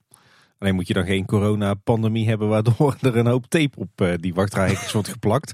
Want dan uh, ja. moeten ze helemaal terug naar de koter. Dan, ja, of, of je, je moet met uh, een speciaal middel aan de slag om, om de lijmresten te verwijderen. Ik heb wel wel een groot deel van je Efteling loopbaan doorgelopen. Maar je hebt ook een hoop spullen meegenomen. Heel de tafel ligt hier vol met allerlei jaarverslagen en krantenartikelen en zo. Zijn er een paar dingen die daar uit wil lichten? Ja, ik kan er misschien wel uh, eentje dat een beetje bijzonder is. Uh, jullie weten wellicht dat uh, jaren terug er heel veel werk gemaakt werd van ehm, de jaarverslagen. Robert Jaap, die, eh, die maakte schitterende producten. En ehm, één product is van 1995, waarin met blauwe omslag verweerachtig boek met een kroon erop. En die kroon, ik, twijfel erover of dat het nou een origineel idee van uh, Robert Jaap is. Of dat hij het ontleend heeft aan iets waar ik mee bezig was. Want ik was in die periode bezig met uh, kwaliteitsprogramma's. En uh, ik heb al verteld, we hadden TPM, Total Productive Maintenance. Maar daarnaast had ik een andere kreet. We waren echt weg van, van mooie kreten. En dat was Cool. En Cool stond voor kwaliteit op Efteling leeft. En uh, dat droeg ik overal uit. En uh, het kwam zelfs zover dat ik uh, pamfletjes maakte.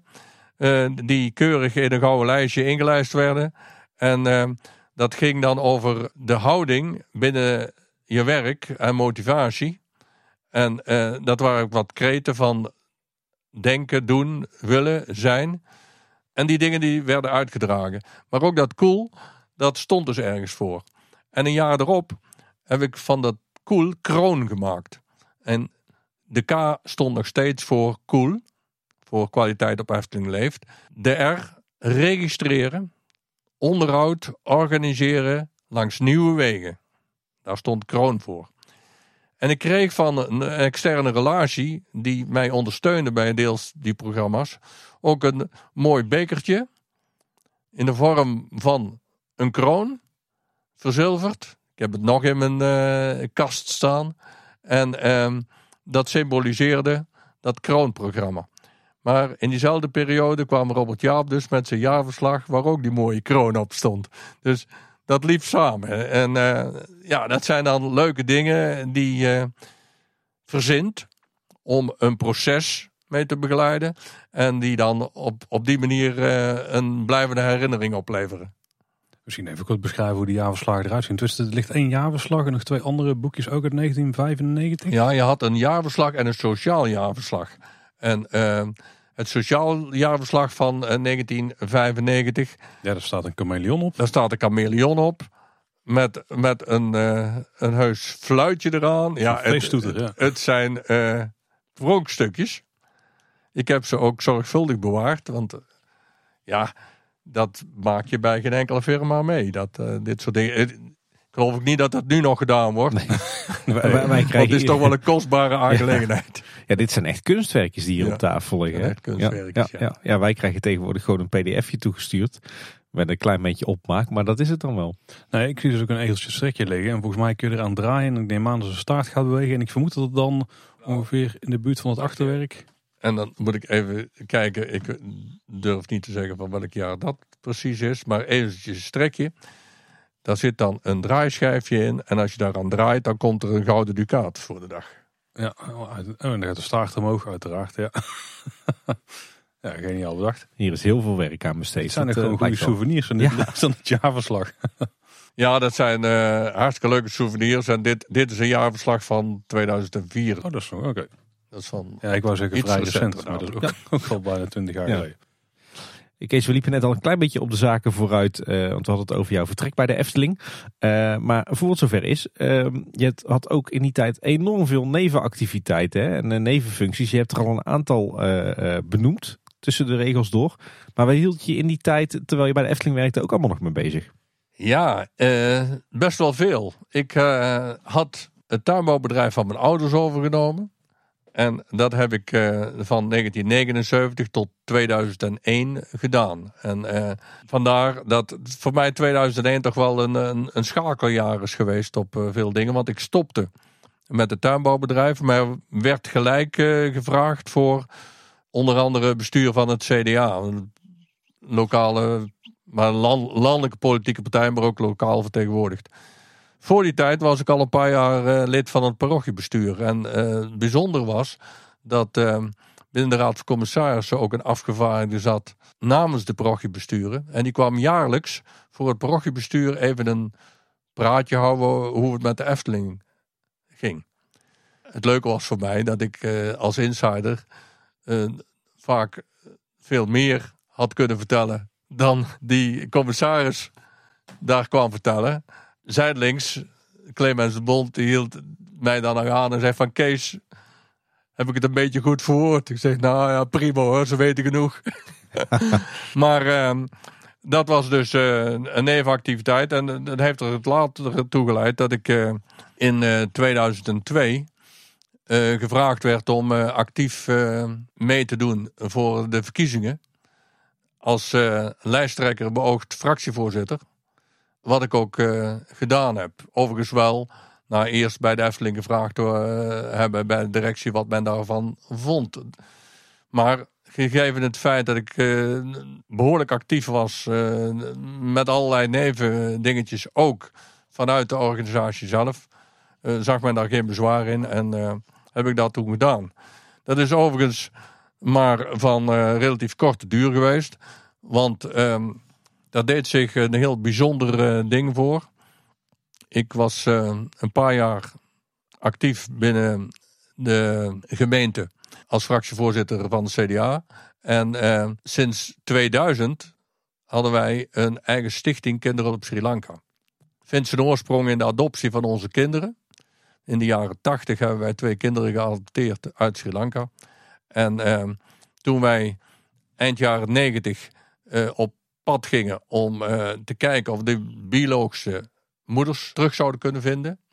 Dat vonden we wel belangrijk. Je ziet dat ook steeds in programma's terugkomen dat men toch vaak de route zoekt. En ehm, toen kwamen we in contact met een kinderarts die die kinderen als baby uh, een medische keuring had gegeven. En die kinderarts, een, een schitterende dame, al een, toen al een bejaarde dame overigens, die, uh, die was actief in de, de slumwijken van de hoofdstad Colombo. En ehm, de adopties waren om politieke redenen helemaal gestopt. En uit die adopties uh, kreeg zij ook gelden, omdat aan elke adoptie een verplichting lag om minimaal duizend gulden toen de tijd in een fonds te stoppen voor kinderen die niet geadopteerd konden worden. Daar kreeg zij middelen van, maar de adopties die stopten en zij kreeg dus eigenlijk geen geld meer. Ze vroeg ons of wij haar een beetje wilden helpen als tegenprestatie. Uh, hebben we gedaan. Heeft ertoe geleid dat we in 2000 onze stichting in het leven geroepen hebben. En we waren daar uh, net goed mee aan de slag. Toen in 2004 kerst die dramatische tsunami kwam. En dat hield in dat ik uh, op oudjaarsdag samen met uh, het vuurwerk de lucht inging. Met de laatste vlucht richting uh, Sri Lanka. Ik ben daar noodhulp mee gaan doen. En kwam terug volledig getraumatiseerd. Gelukkig had ik hele goede contacten met Olaf Fuchs. En ook met collega's van personeelszaken. En werd heel goed opgevangen. Kreeg ook alle medewerking om een maand later weer terug te gaan naar Sri Lanka en daar noodhulp te doen. Maar het gevolg was, ik was gestopt met uh, de tuinderij. Ik had een ruime tuinbouwschuur met veel ruimte. Er kwamen van alle kanten heel op hulpgoederen. En uh, ja, dat was gewoon niet te handelen. Dus uh, mijn vrouw, de voorzitter van de stichting, zei van, dit kan ik niet alleen heeft mij toen besluiten dat ik uh, acuut gestopt ben met actieve politiek. En uh, me helemaal meegestort heb in de activiteiten voor de stichting.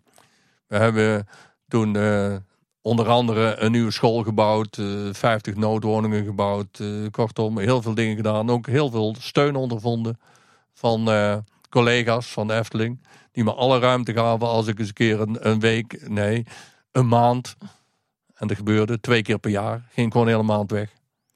En dat, dat kon. Uh, stond wel tegenover dat ik bijna elk weekend op de zondag park duty mee draaide. En uh, dus in feite, die, de uren die maakte ik ruim goed. Maar uh, er werd heel veel geregeld. Jeetje, wat, wat heftig, Kees. Hele fijne tijd geweest. Ja. Maar wel heftig, ja. Ja, want jij, zegt dat je kwam, je kwam getraumatiseerd terug. Ik kan me voorstellen dat het inderdaad ook geen pretje was op wat je daar aantrof. Nee, dat staat nog op mijn netvlies. En uh, dat is moeilijk, moeilijk om dat uh, uit te leggen, wat dat met je doet. Als je dan daar komt, aan het strand waar je al, al enige jaren komt. En al die huisjes langs het strand, die, die zijn weggevaagd. Eén grote ravage. Alleen op de puinhopen schilderijtjes van overleden mensen of vermisten. En uh, je komt dan als toerist, als het ware. En die week dat ik daar kwam, ik kon er dezelfde dag niet eens door, want de wegen waren volledig geblokkeerd. Ze moesten met bulldozers het strand schoonpoetsen. En de lijken kadavers waren geruimd en toen konden wij aan de slag.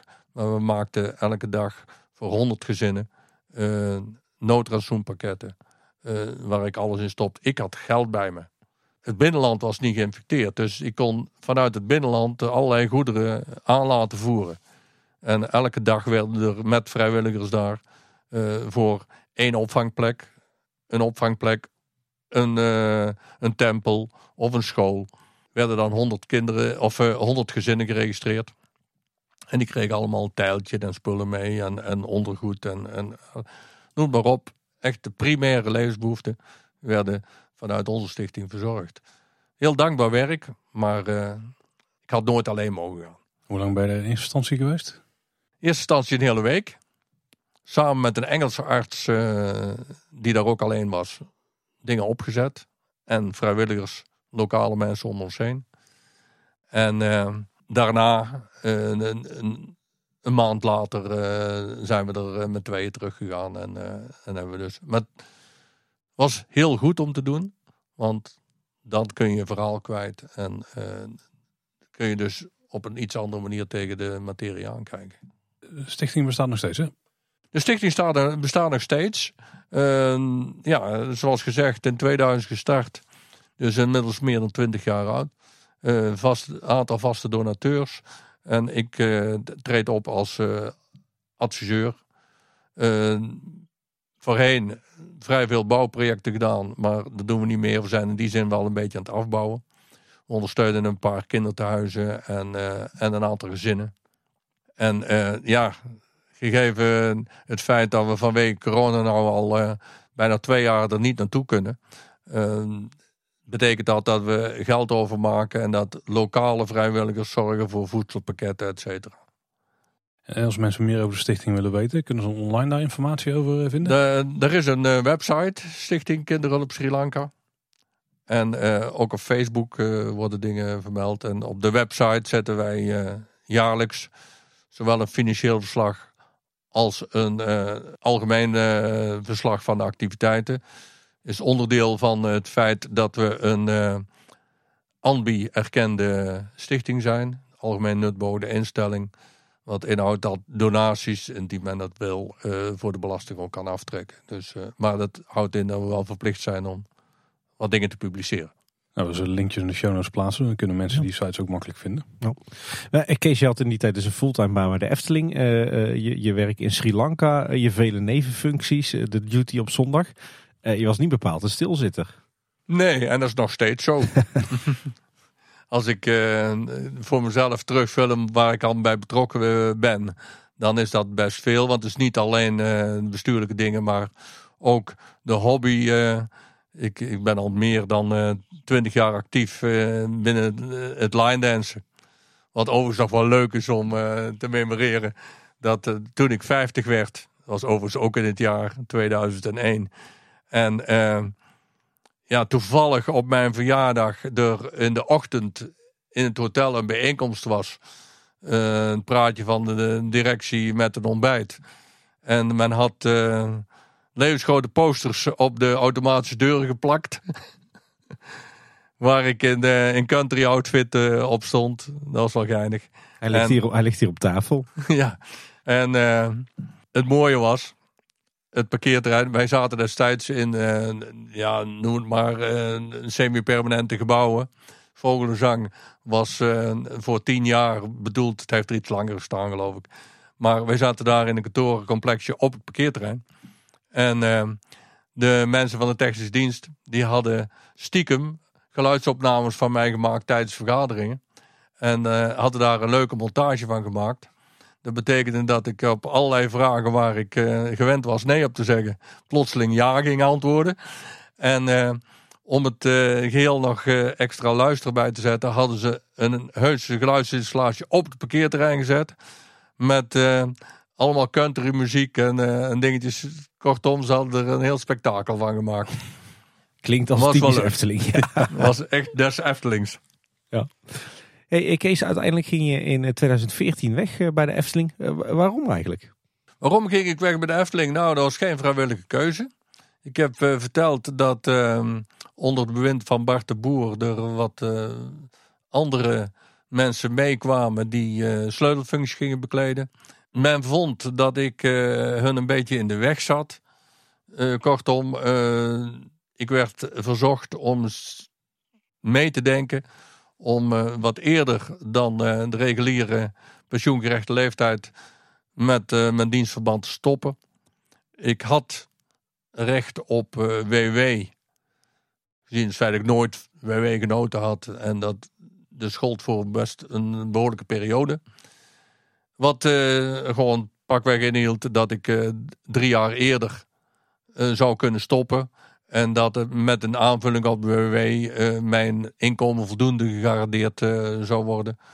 Om daar geen belemmering te hebben. Ik was er fel tegen. Ik, ik wilde gewoon mijn tijd normaal netjes uitdienen. maar ook daar was uiteindelijk samenspraak met Olaf Fuchs destijds, waar ik toch goede banden mee had. Die zegt van Kees, waarom zou je? Je krijgt dan ook meer vrije tijd om, uh, om dingen te doen die je leuk vindt. En uh, nou, kortom, ik heb ingestemd en ben, ben gewoon drie jaar eerder dan mijn eigenlijke plan was bij de Efteling gestopt.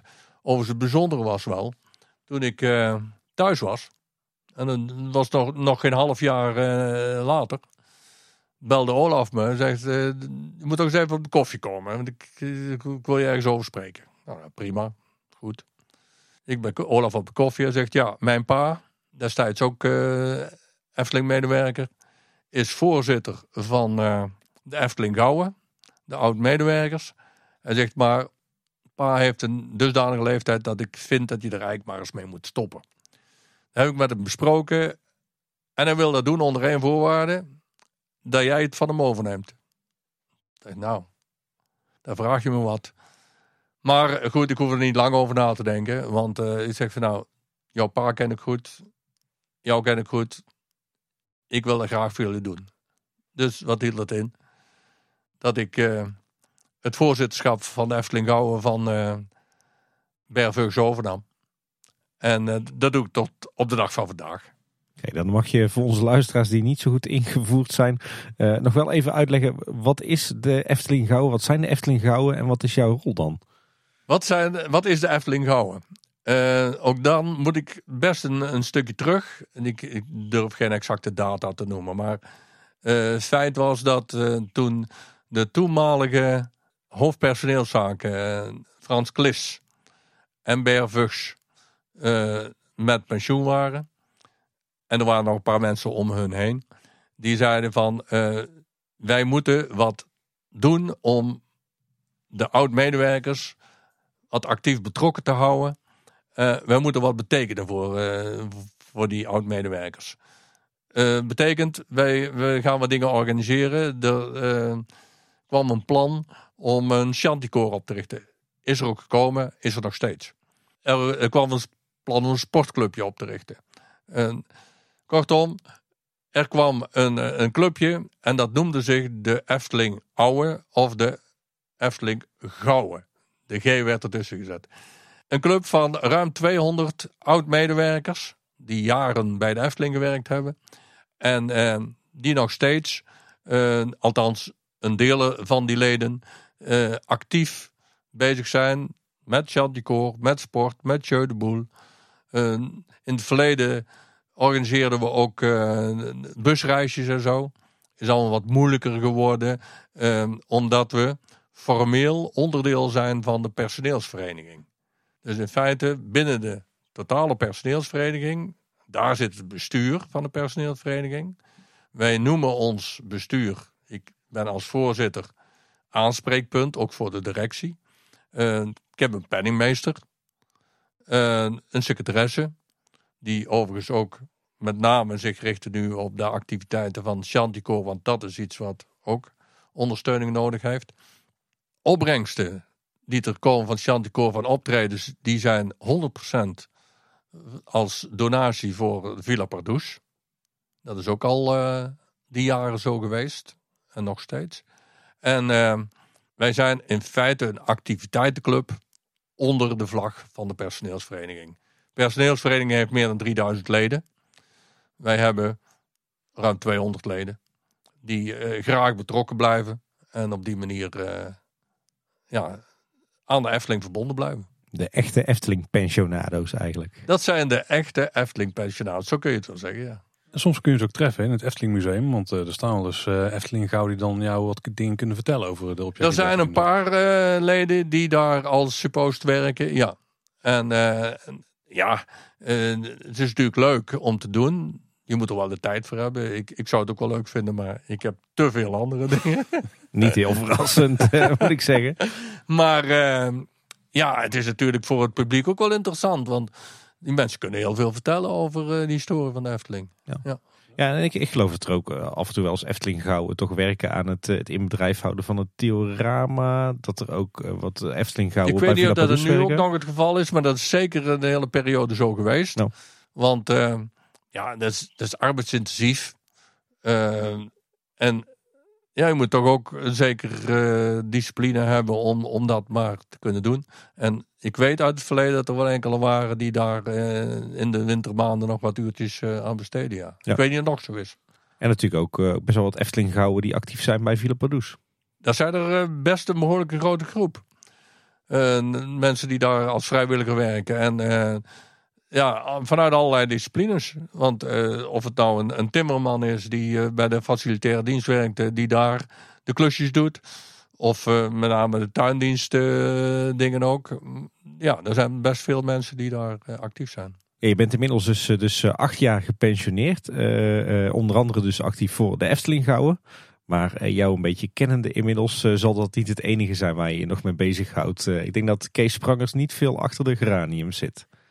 Nee, ik, uh, ik heb verteld dat ik uh, dus in uh, die periode 2002-2005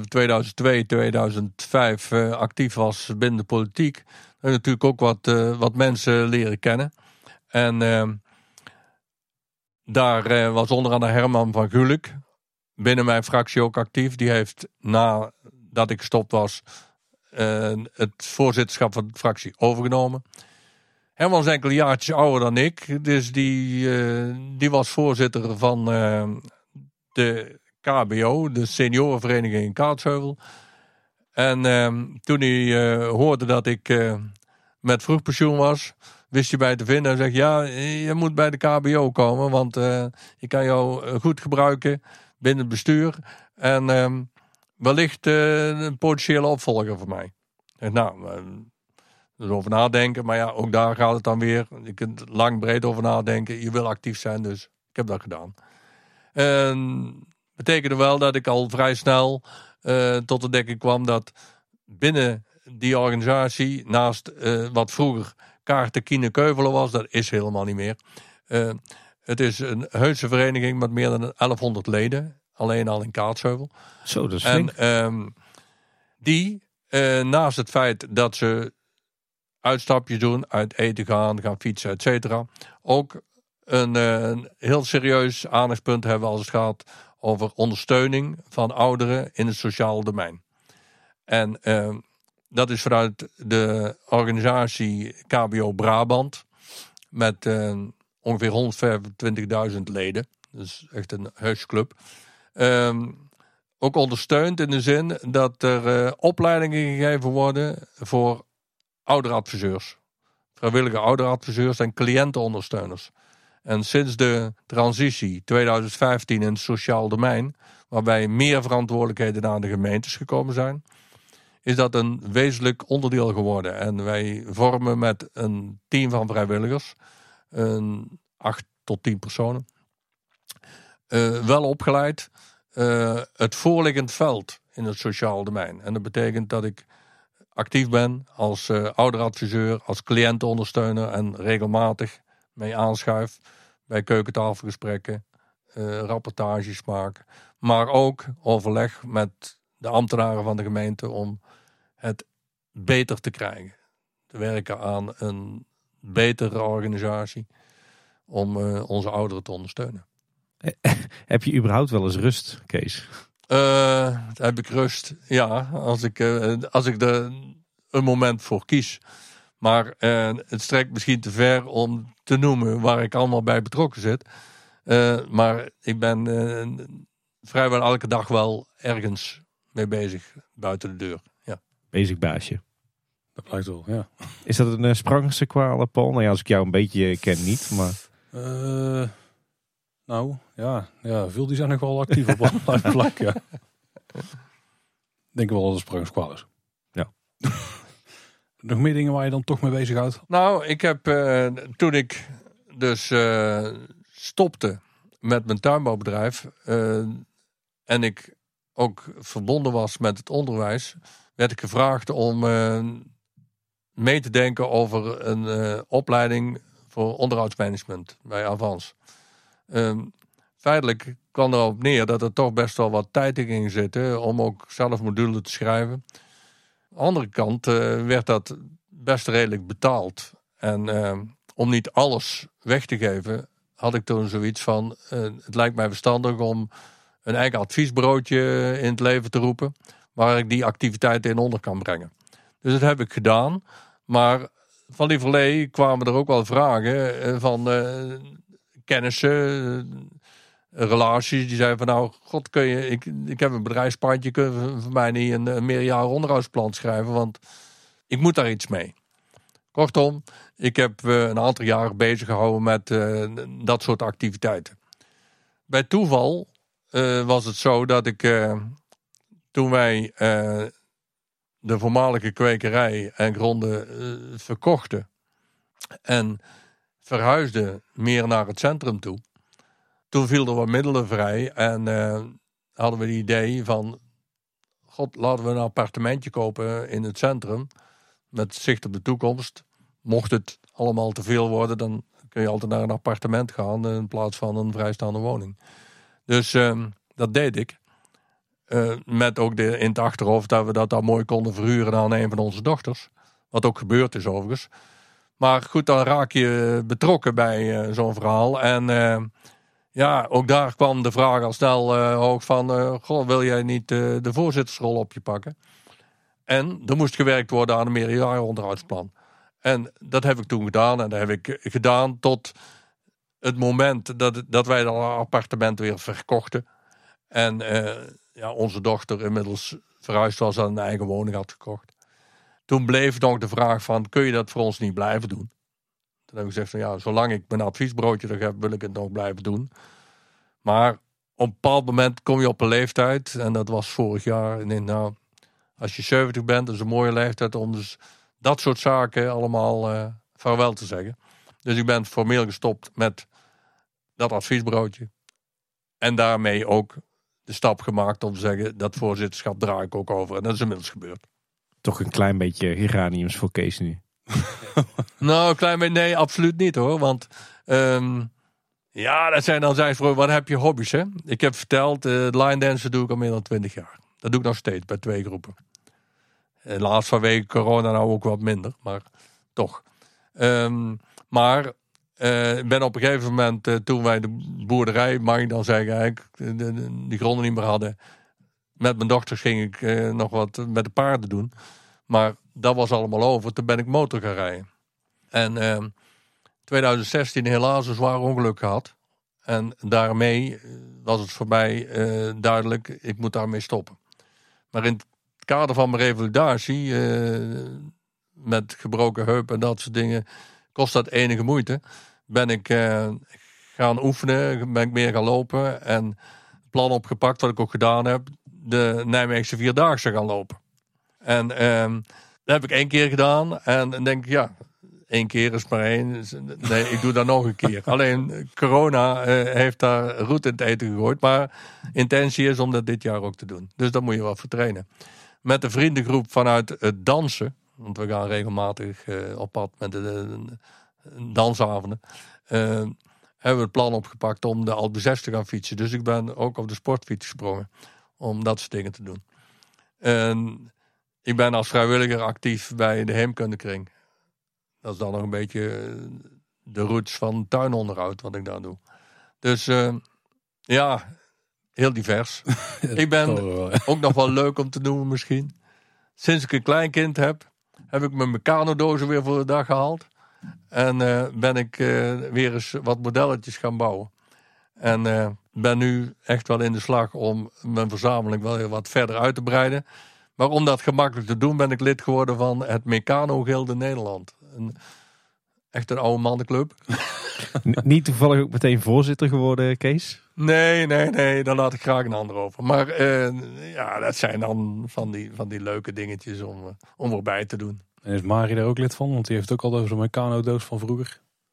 Dat eh, durf ik niet te zeggen. Ik weet wel dat eh, Stan Dingemans, eh, binnen de technische dienst is Jeroen Brok, onder andere een voorbeeld, is met regelmaat gebruik gemaakt van Meccano om, om een modelletje te bouwen om een bepaald principe in een attractie. Ja, nog steeds wel stiekem gebruikt. Oké. Ehm, misschien even terugkijken naar jouw carrière, Kees. We hebben een paar, een paar standaard vragen die we dan aan onze gasten stellen. Heb jij een paar hoogtepunten uit jouw eh, Efteling-tijd? En misschien daarbuiten die, eh, die je graag nog even zou willen aanhalen?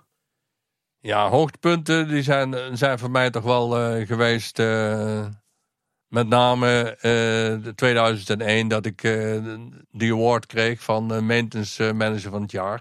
Dat vond, ik- vond ik wel een bijzondere. Daaromheen dan toevallig dat ik dat, dat jaar 50 werd en, en, en al die activiteiten die, die daar rondom georganiseerd waren. Dat was wel heel typisch des Eftelings. Dus eh, die zal ik eh, niet gemakkelijk vergeten. Nee. Ja, ook nog een paar dieptepunten die eh de review moeten Ja, passeren. ik, ik vind nog steeds mijn gedwongen vertrek. Ja, dat vind ik, vind ik nog steeds jammer dat dat, dat dat zo gebeurd is. Dat is dan toch. En ik zie het helaas ook bij andere oud-collega's die vroegtijdig de Efteling verlaten. Niet omdat ze de Efteling de rug toe willen keren, maar gewoon omdat eh, de organisatie eh, niet meer past. We hadden van tevoren al een beetje een voorgesprekje gehad. En er waren nog een paar anekdotes die we absoluut niet mochten vergeten. Oh ja, er zijn, ja, er zijn zo van die dingetjes. die, die, die vergeet je dan eh, niet. En wij hadden destijds, en nog, veel Belgen in het park. En ik deed ook eh parkduty. En pa- als parkduty eh betekent dat dat je vooral in het park actief was om te kijken van draait de business nou zo wij dat willen hebben. En naast het feit dat je achter de schermen eh, ging kijken en een praatje maken met personeel, maakte je ook wel eens een keer een praatje met het publiek. En eh, een leuk ding was dat eh, een, een gezin uit België, die, eh, wat binnen de Efteling nog steeds kan, met de koelboxen de Efteling binnen was gekomen. En de lunch op de speelweide wilde genieten aan een picknicktafel. Die picknicktafel mooi voorzien hadden van een tafelkleed. En er alles op uitgestald hadden. En het was op een mooie voorjaarsdag. En ik kom dan langs. Ik maak even een praatje met de mensen. Van, eh, god, leuk. Het ziet er allemaal leuk uit. Zo. Maar ik mis eigenlijk wel één dingetje. Allee, en dat is... Ik zeg, ja, ik mis een bloemetje op tafel. Ik zeg, maar dat gaan we regelen hoor. Nou wist ik dat men op dat moment in de buurt met de tuindienst bezig was om net zomergoed te planten. En in die periode planten we echt nog veel zomergoed aan. Het is nu anders. Onbegrijpelijke reden. Eh, dus ik eh, bel even een van de, die tuindienstmensen. Die zegt van nou, zit, hier in de buurt? Ja. Zeg ik, eh, eh, even, ik moet een paar plantjes hebben. Oh, zegt hij, ja, daar ben ik mee bezig. Ik nou, oké. Zit, eh, aan de speelwaarde. hij komt met de plantjes over. Ik zet die op tafel. Ik zeg, kijk, nou is het compleet. Ik zeg, zal ik nog een foto van jullie maken? Dan hebben we het plaatje compleet. Ja, dat zijn leuke dingen. En dat, dat is dan het stukje toegevoegde waarde dat je dan kunt geven. Ander voorbeeld.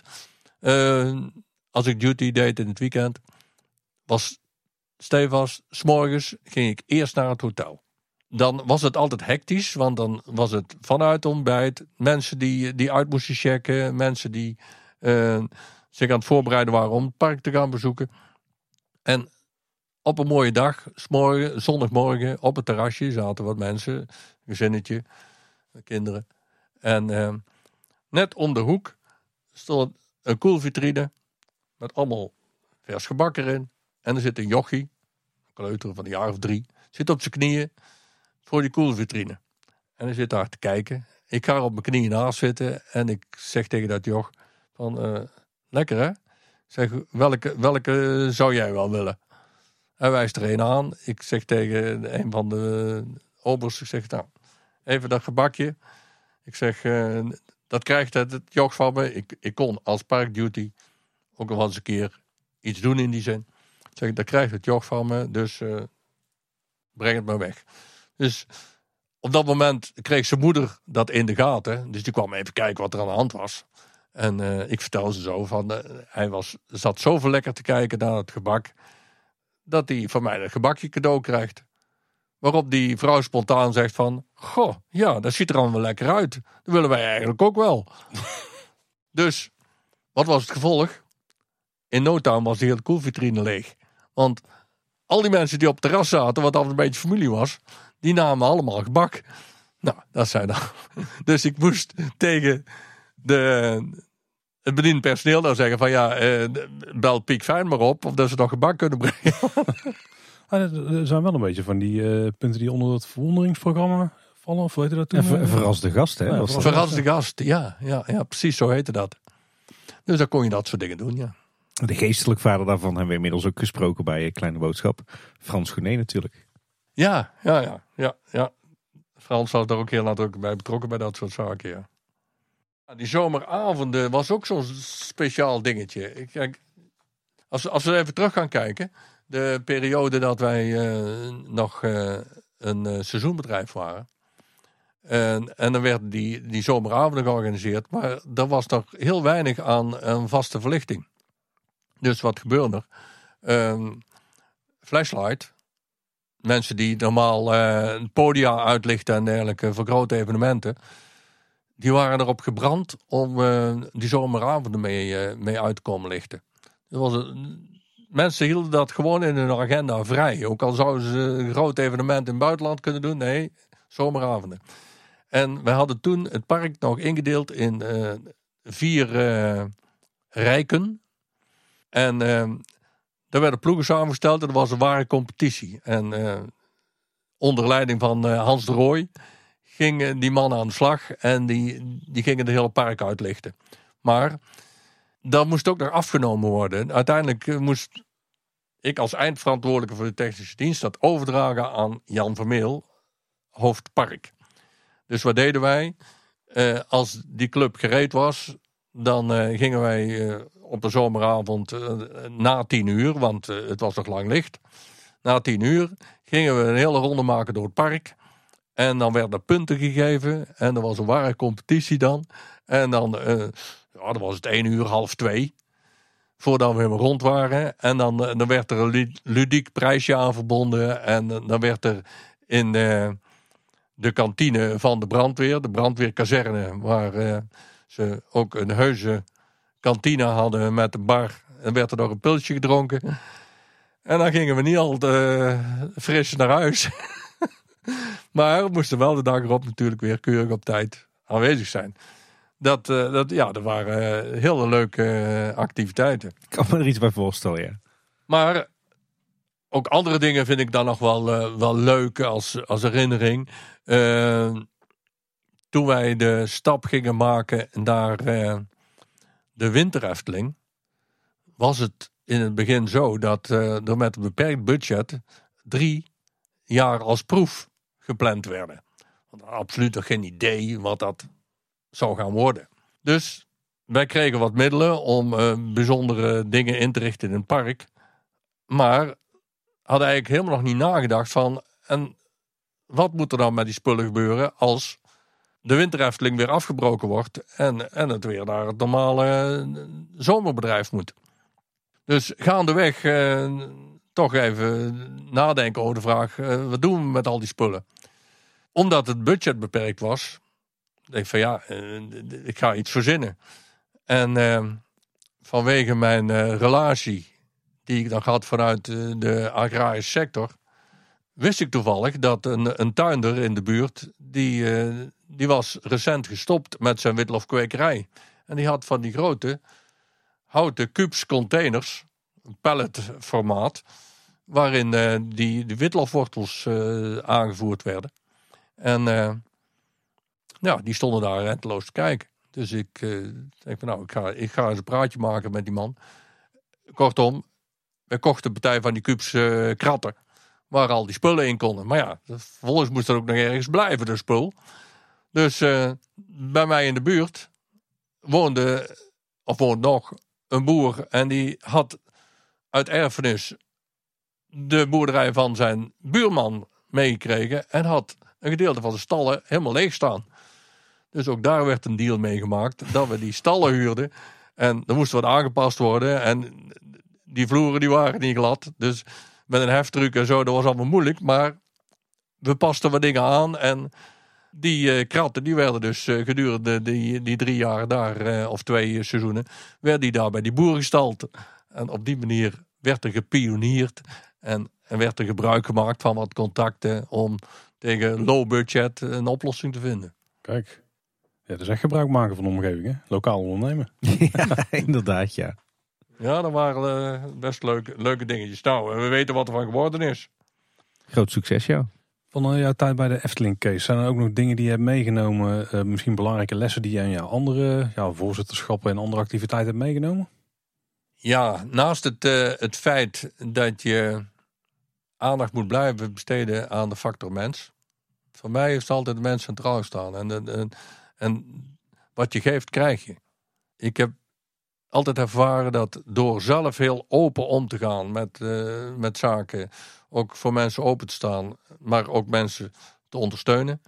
Als je dat doet, dan krijg je dat ook terug op het moment dat, dat je zelf even die steun nodig hebt. En een heel mooi voorbeeld dat ik daarvan kan noemen.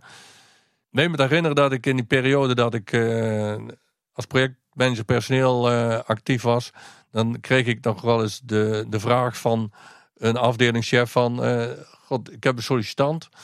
Wil jij ook niet eens even een, praatje met die sollicitant maken? Want ik krijg geen, geen helder beeld van wat hij nou wel of niet in zijn mars heeft.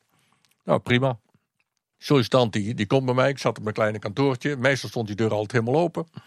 En uh, ik komt op het kleine kantoortje en ik had echt het gevoel, die man die, ja, die barst van de zenuwen. Dus wat doe ik? Ik zeg, doe de deur maar dicht.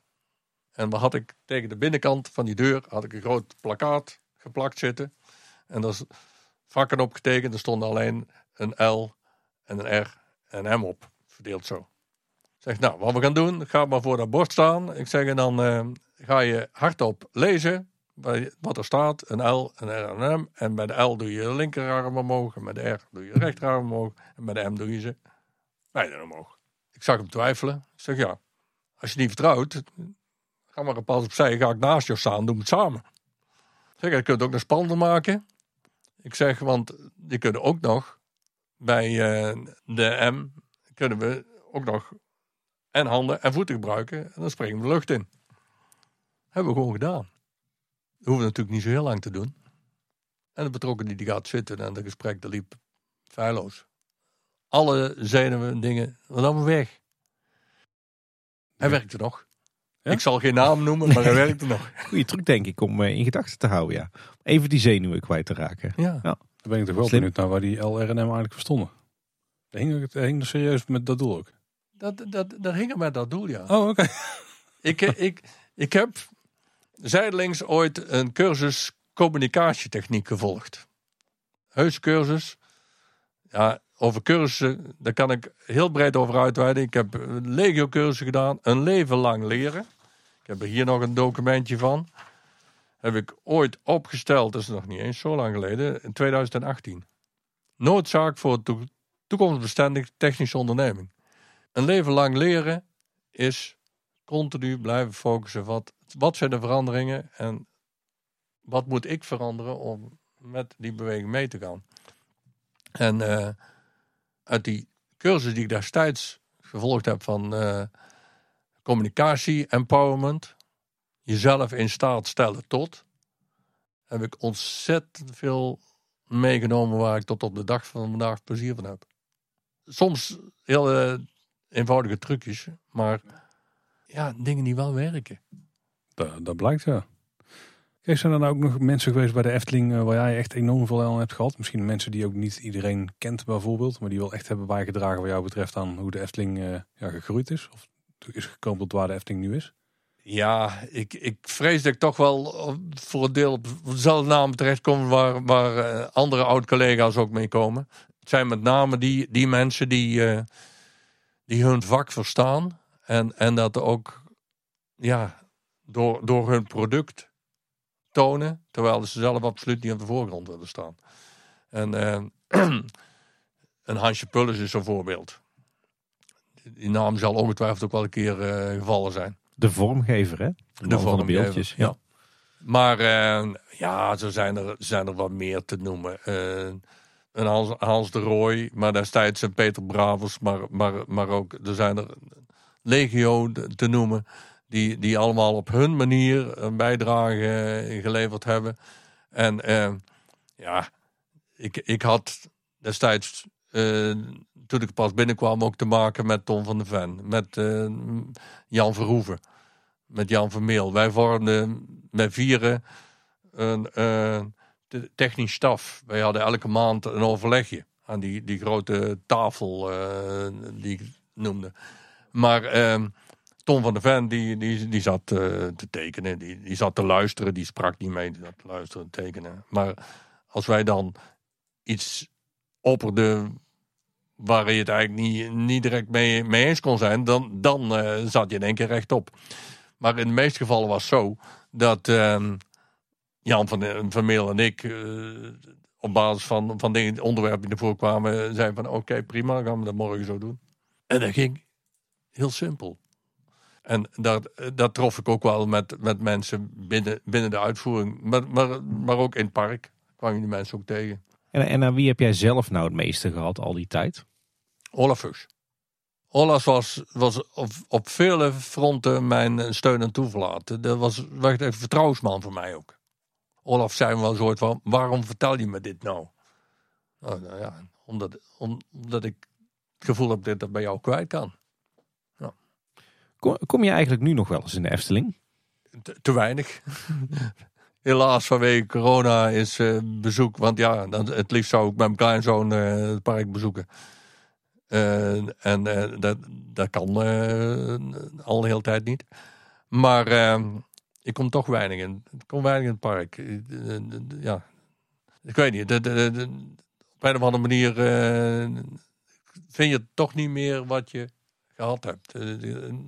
Niet vergeten, als je, als je er een jaar of negen uit bent, dan, eh, hoewel ik dan toch die link nog heb vanwege die eh, Efteling houden. Natuurlijk kom ik regelmaat, met een zekere regelmaat op kantoor, maar dat is ook maar enkele keer op een jaar. Als je wel in het park bent en je loopt er doorheen, eh, wat vind je ervan van hoe de, hoe de organisatie nu staat en hoe het park er nu bij ligt? Ja, in zekere zin ervaar ik dat we op sommige punten wel wat als kwaliteit ingeboet hebben vanuit de visie die wij destijds hanteerden. Van de andere kant moet ik stellen dat eh, het bedrijf dusdanig ontwikkeld is dat je met de jaar rond opstelling niet meer datgene kunt doen wat wij destijds deden. Eh, een bloemenpracht eh, creëren is niet meer te doen, want de consequentie was, als wij in, in het voorjaar een heel hoop zomergoed uitzetten, dan was dat in de winter een kale plek. Dus die hele parkinrichting is eh, knap op de schop gegaan om, eh, om het een jaar rond exportabel te maken. Dus er zitten een, een aantal consequenties in. Ehm, sommige andere dingen denk ik ook van ja, drukkere, een meer intensieve gebruik van, eh, van het, het hele gebied levert ook op dat, dat de rustpunten die je vroeger had, ja, die mis je steeds meer. Ze zijn er wel, maar toch in veel mindere mate. Dat, de, dus het sfeertje is wel wat veranderd, ja. Maar ik eh, vind het nog steeds knap dat het eh, op deze manier lukt om eh, toch zoveel variatie te brengen. Steeds weer met nieuwe dingen te komen. Efteling waardig, echt. Maar ja, je moet ook oog voor detail hebben. ik weet me goed herinneren, de dingetjes toen Henny Knoet bezig was met het Terrautenplein en het, eh, het kasteeltje daar. Ik heb het bij rondleidingen nog vaak eh, aangehaald. Ik van ja, dat werd gebouwd. En de onslaag stenen, die werden keurig langs, langs de draad eh, gezet. En Henny kwam kijken en zei, niet goed hè. Want dat is veel te strak. Eh, die lijn eh, gewoon een stukje ervoor halen en eh, meer vrij metselen. En hadden ze, hadden ze weer een halve meter opgemetseld. kwam je weer kijken en zei, nou, volgens mij kun je bij de hele lijn weghalen. en, en, maar die metselaars die gewend waren strakke lijnen te maken, dat waren dan wel die ingehuurden. hè. Dat waren niet die Eftelingers meer. Hè? Ja. En die moesten dat even in de vingers krijgen. Nou, En dan zie je, als je langs dat uh, kasteeltje loopt, dat je gaandeweg, hoe hoger je kijkt, hoe meer het Efteling karakter tot uh, uiting komt. Want die torentjes, die staan er uiteindelijk hartstikke scheef op. Dus ja, dat zijn dan echt van die dingetjes die, uh, als je ze kent en er dan gericht naar kijkt, dan haal je ze naar boven. Daar ga ik de volgende keer eens echt naar kijken. Ja, zeker. Ja.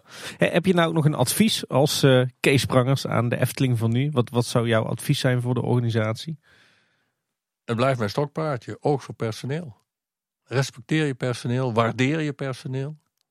Want dat is gewoon jouw belangrijkste troef. Je belangrijkste goed. Want daar behoud je je eigen karakter. Wijze woorden. Ja, zeker. Kunnen wij het alleen maar mee eens zijn. Ja, om de aflevering een beetje af te sluiten hebben we altijd een paar standaard vragen voor onze gast. En die gaan met name over de Efteling, in ieder geval om mee te beginnen. Heb jij een favoriete plek in Efteling? Of iets wat je echt het mooiste plekje van de Efteling vindt? Nou, niet echt een favoriete plek. Maar als ik, als ik een favoriete plek uh, moet noemen, dan blijft het toch wel het Piekplein. Kijk. Goeie keuze, Kees. Ja, die stond bij jou in het lijstje. Ja, ja, ja, ja zeker. Uh, heb je ook een favoriete attractie in het park? Een favoriete attractie? Nou, dat, dat verloopt. Uh, er is een periode geweest dat ik uh, de wat wildere attracties nog wel bijzonder kon waarderen, maar dat wordt, wordt minder. Uh, ik vind Fata Morgana en Droomvlucht, dat zijn voor mij toch nog steeds de uitschieters, omdat het typisch familieattracties zijn, maar waar je ook, ongeacht je leeftijd, in feite altijd in kunt. Ook een goede keuzes. Ja, precies. Ja. Kom je ook wel eens in andere pretparken? Uh, nauwelijks in die periode dat ik dus uh, pas bij de Efteling was en, uh, en betrokken was bij de GET. Uh, ja, toen bezocht ik regelmatig parken. ook om indruk op te doen van hoe anderen doen. Ook wel mede natuurlijk door het enthousiasme van Lex Lemmens die je overal wel mee toesleept. Daar kan ik nog wel een leuke anekdote over vertellen. Ik ging met Lex naar Elton Towers. En daar hadden ze pas een nieuwe attractie. En die heette Nemesis. Ja. Alleen dat Nemesis, dat wist, hem maar amper, wist ik maar amper te onthouden.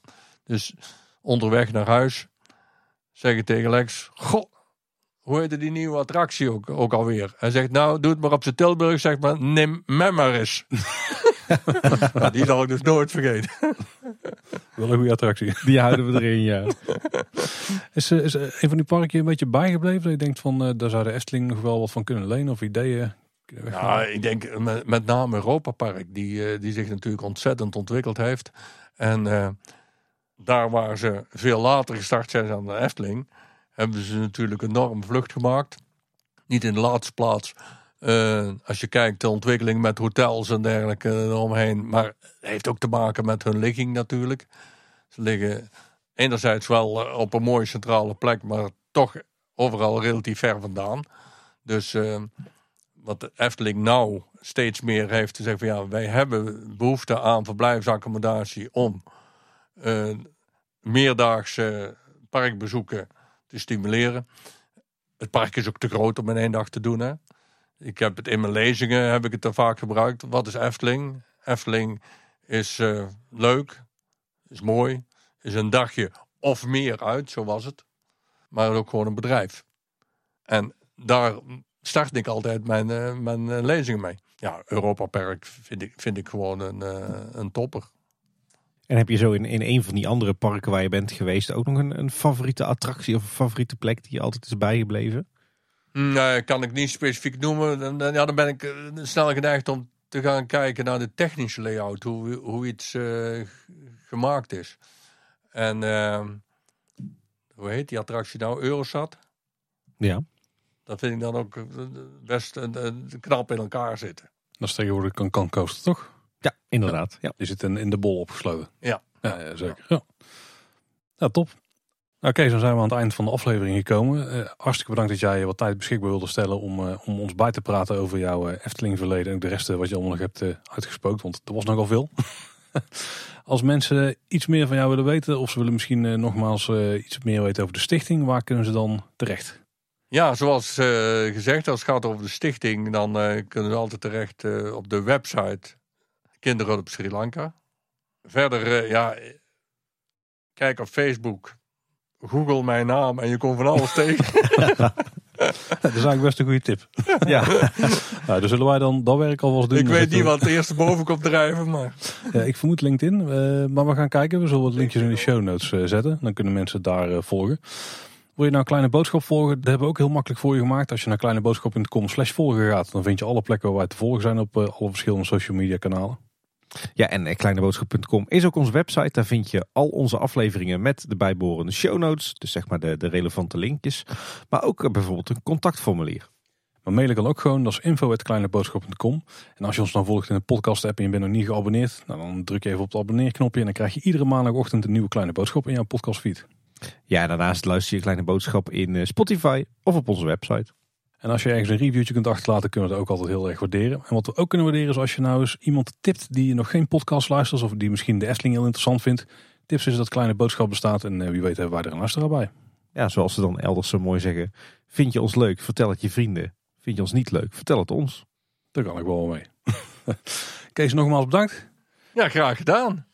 Ik vond het eh, leuk. En luisteraars, dat was weer voor deze week. Bedankt voor het luisteren. Tot de volgende keer. En houdoe. Houdoe waar. Houdoe.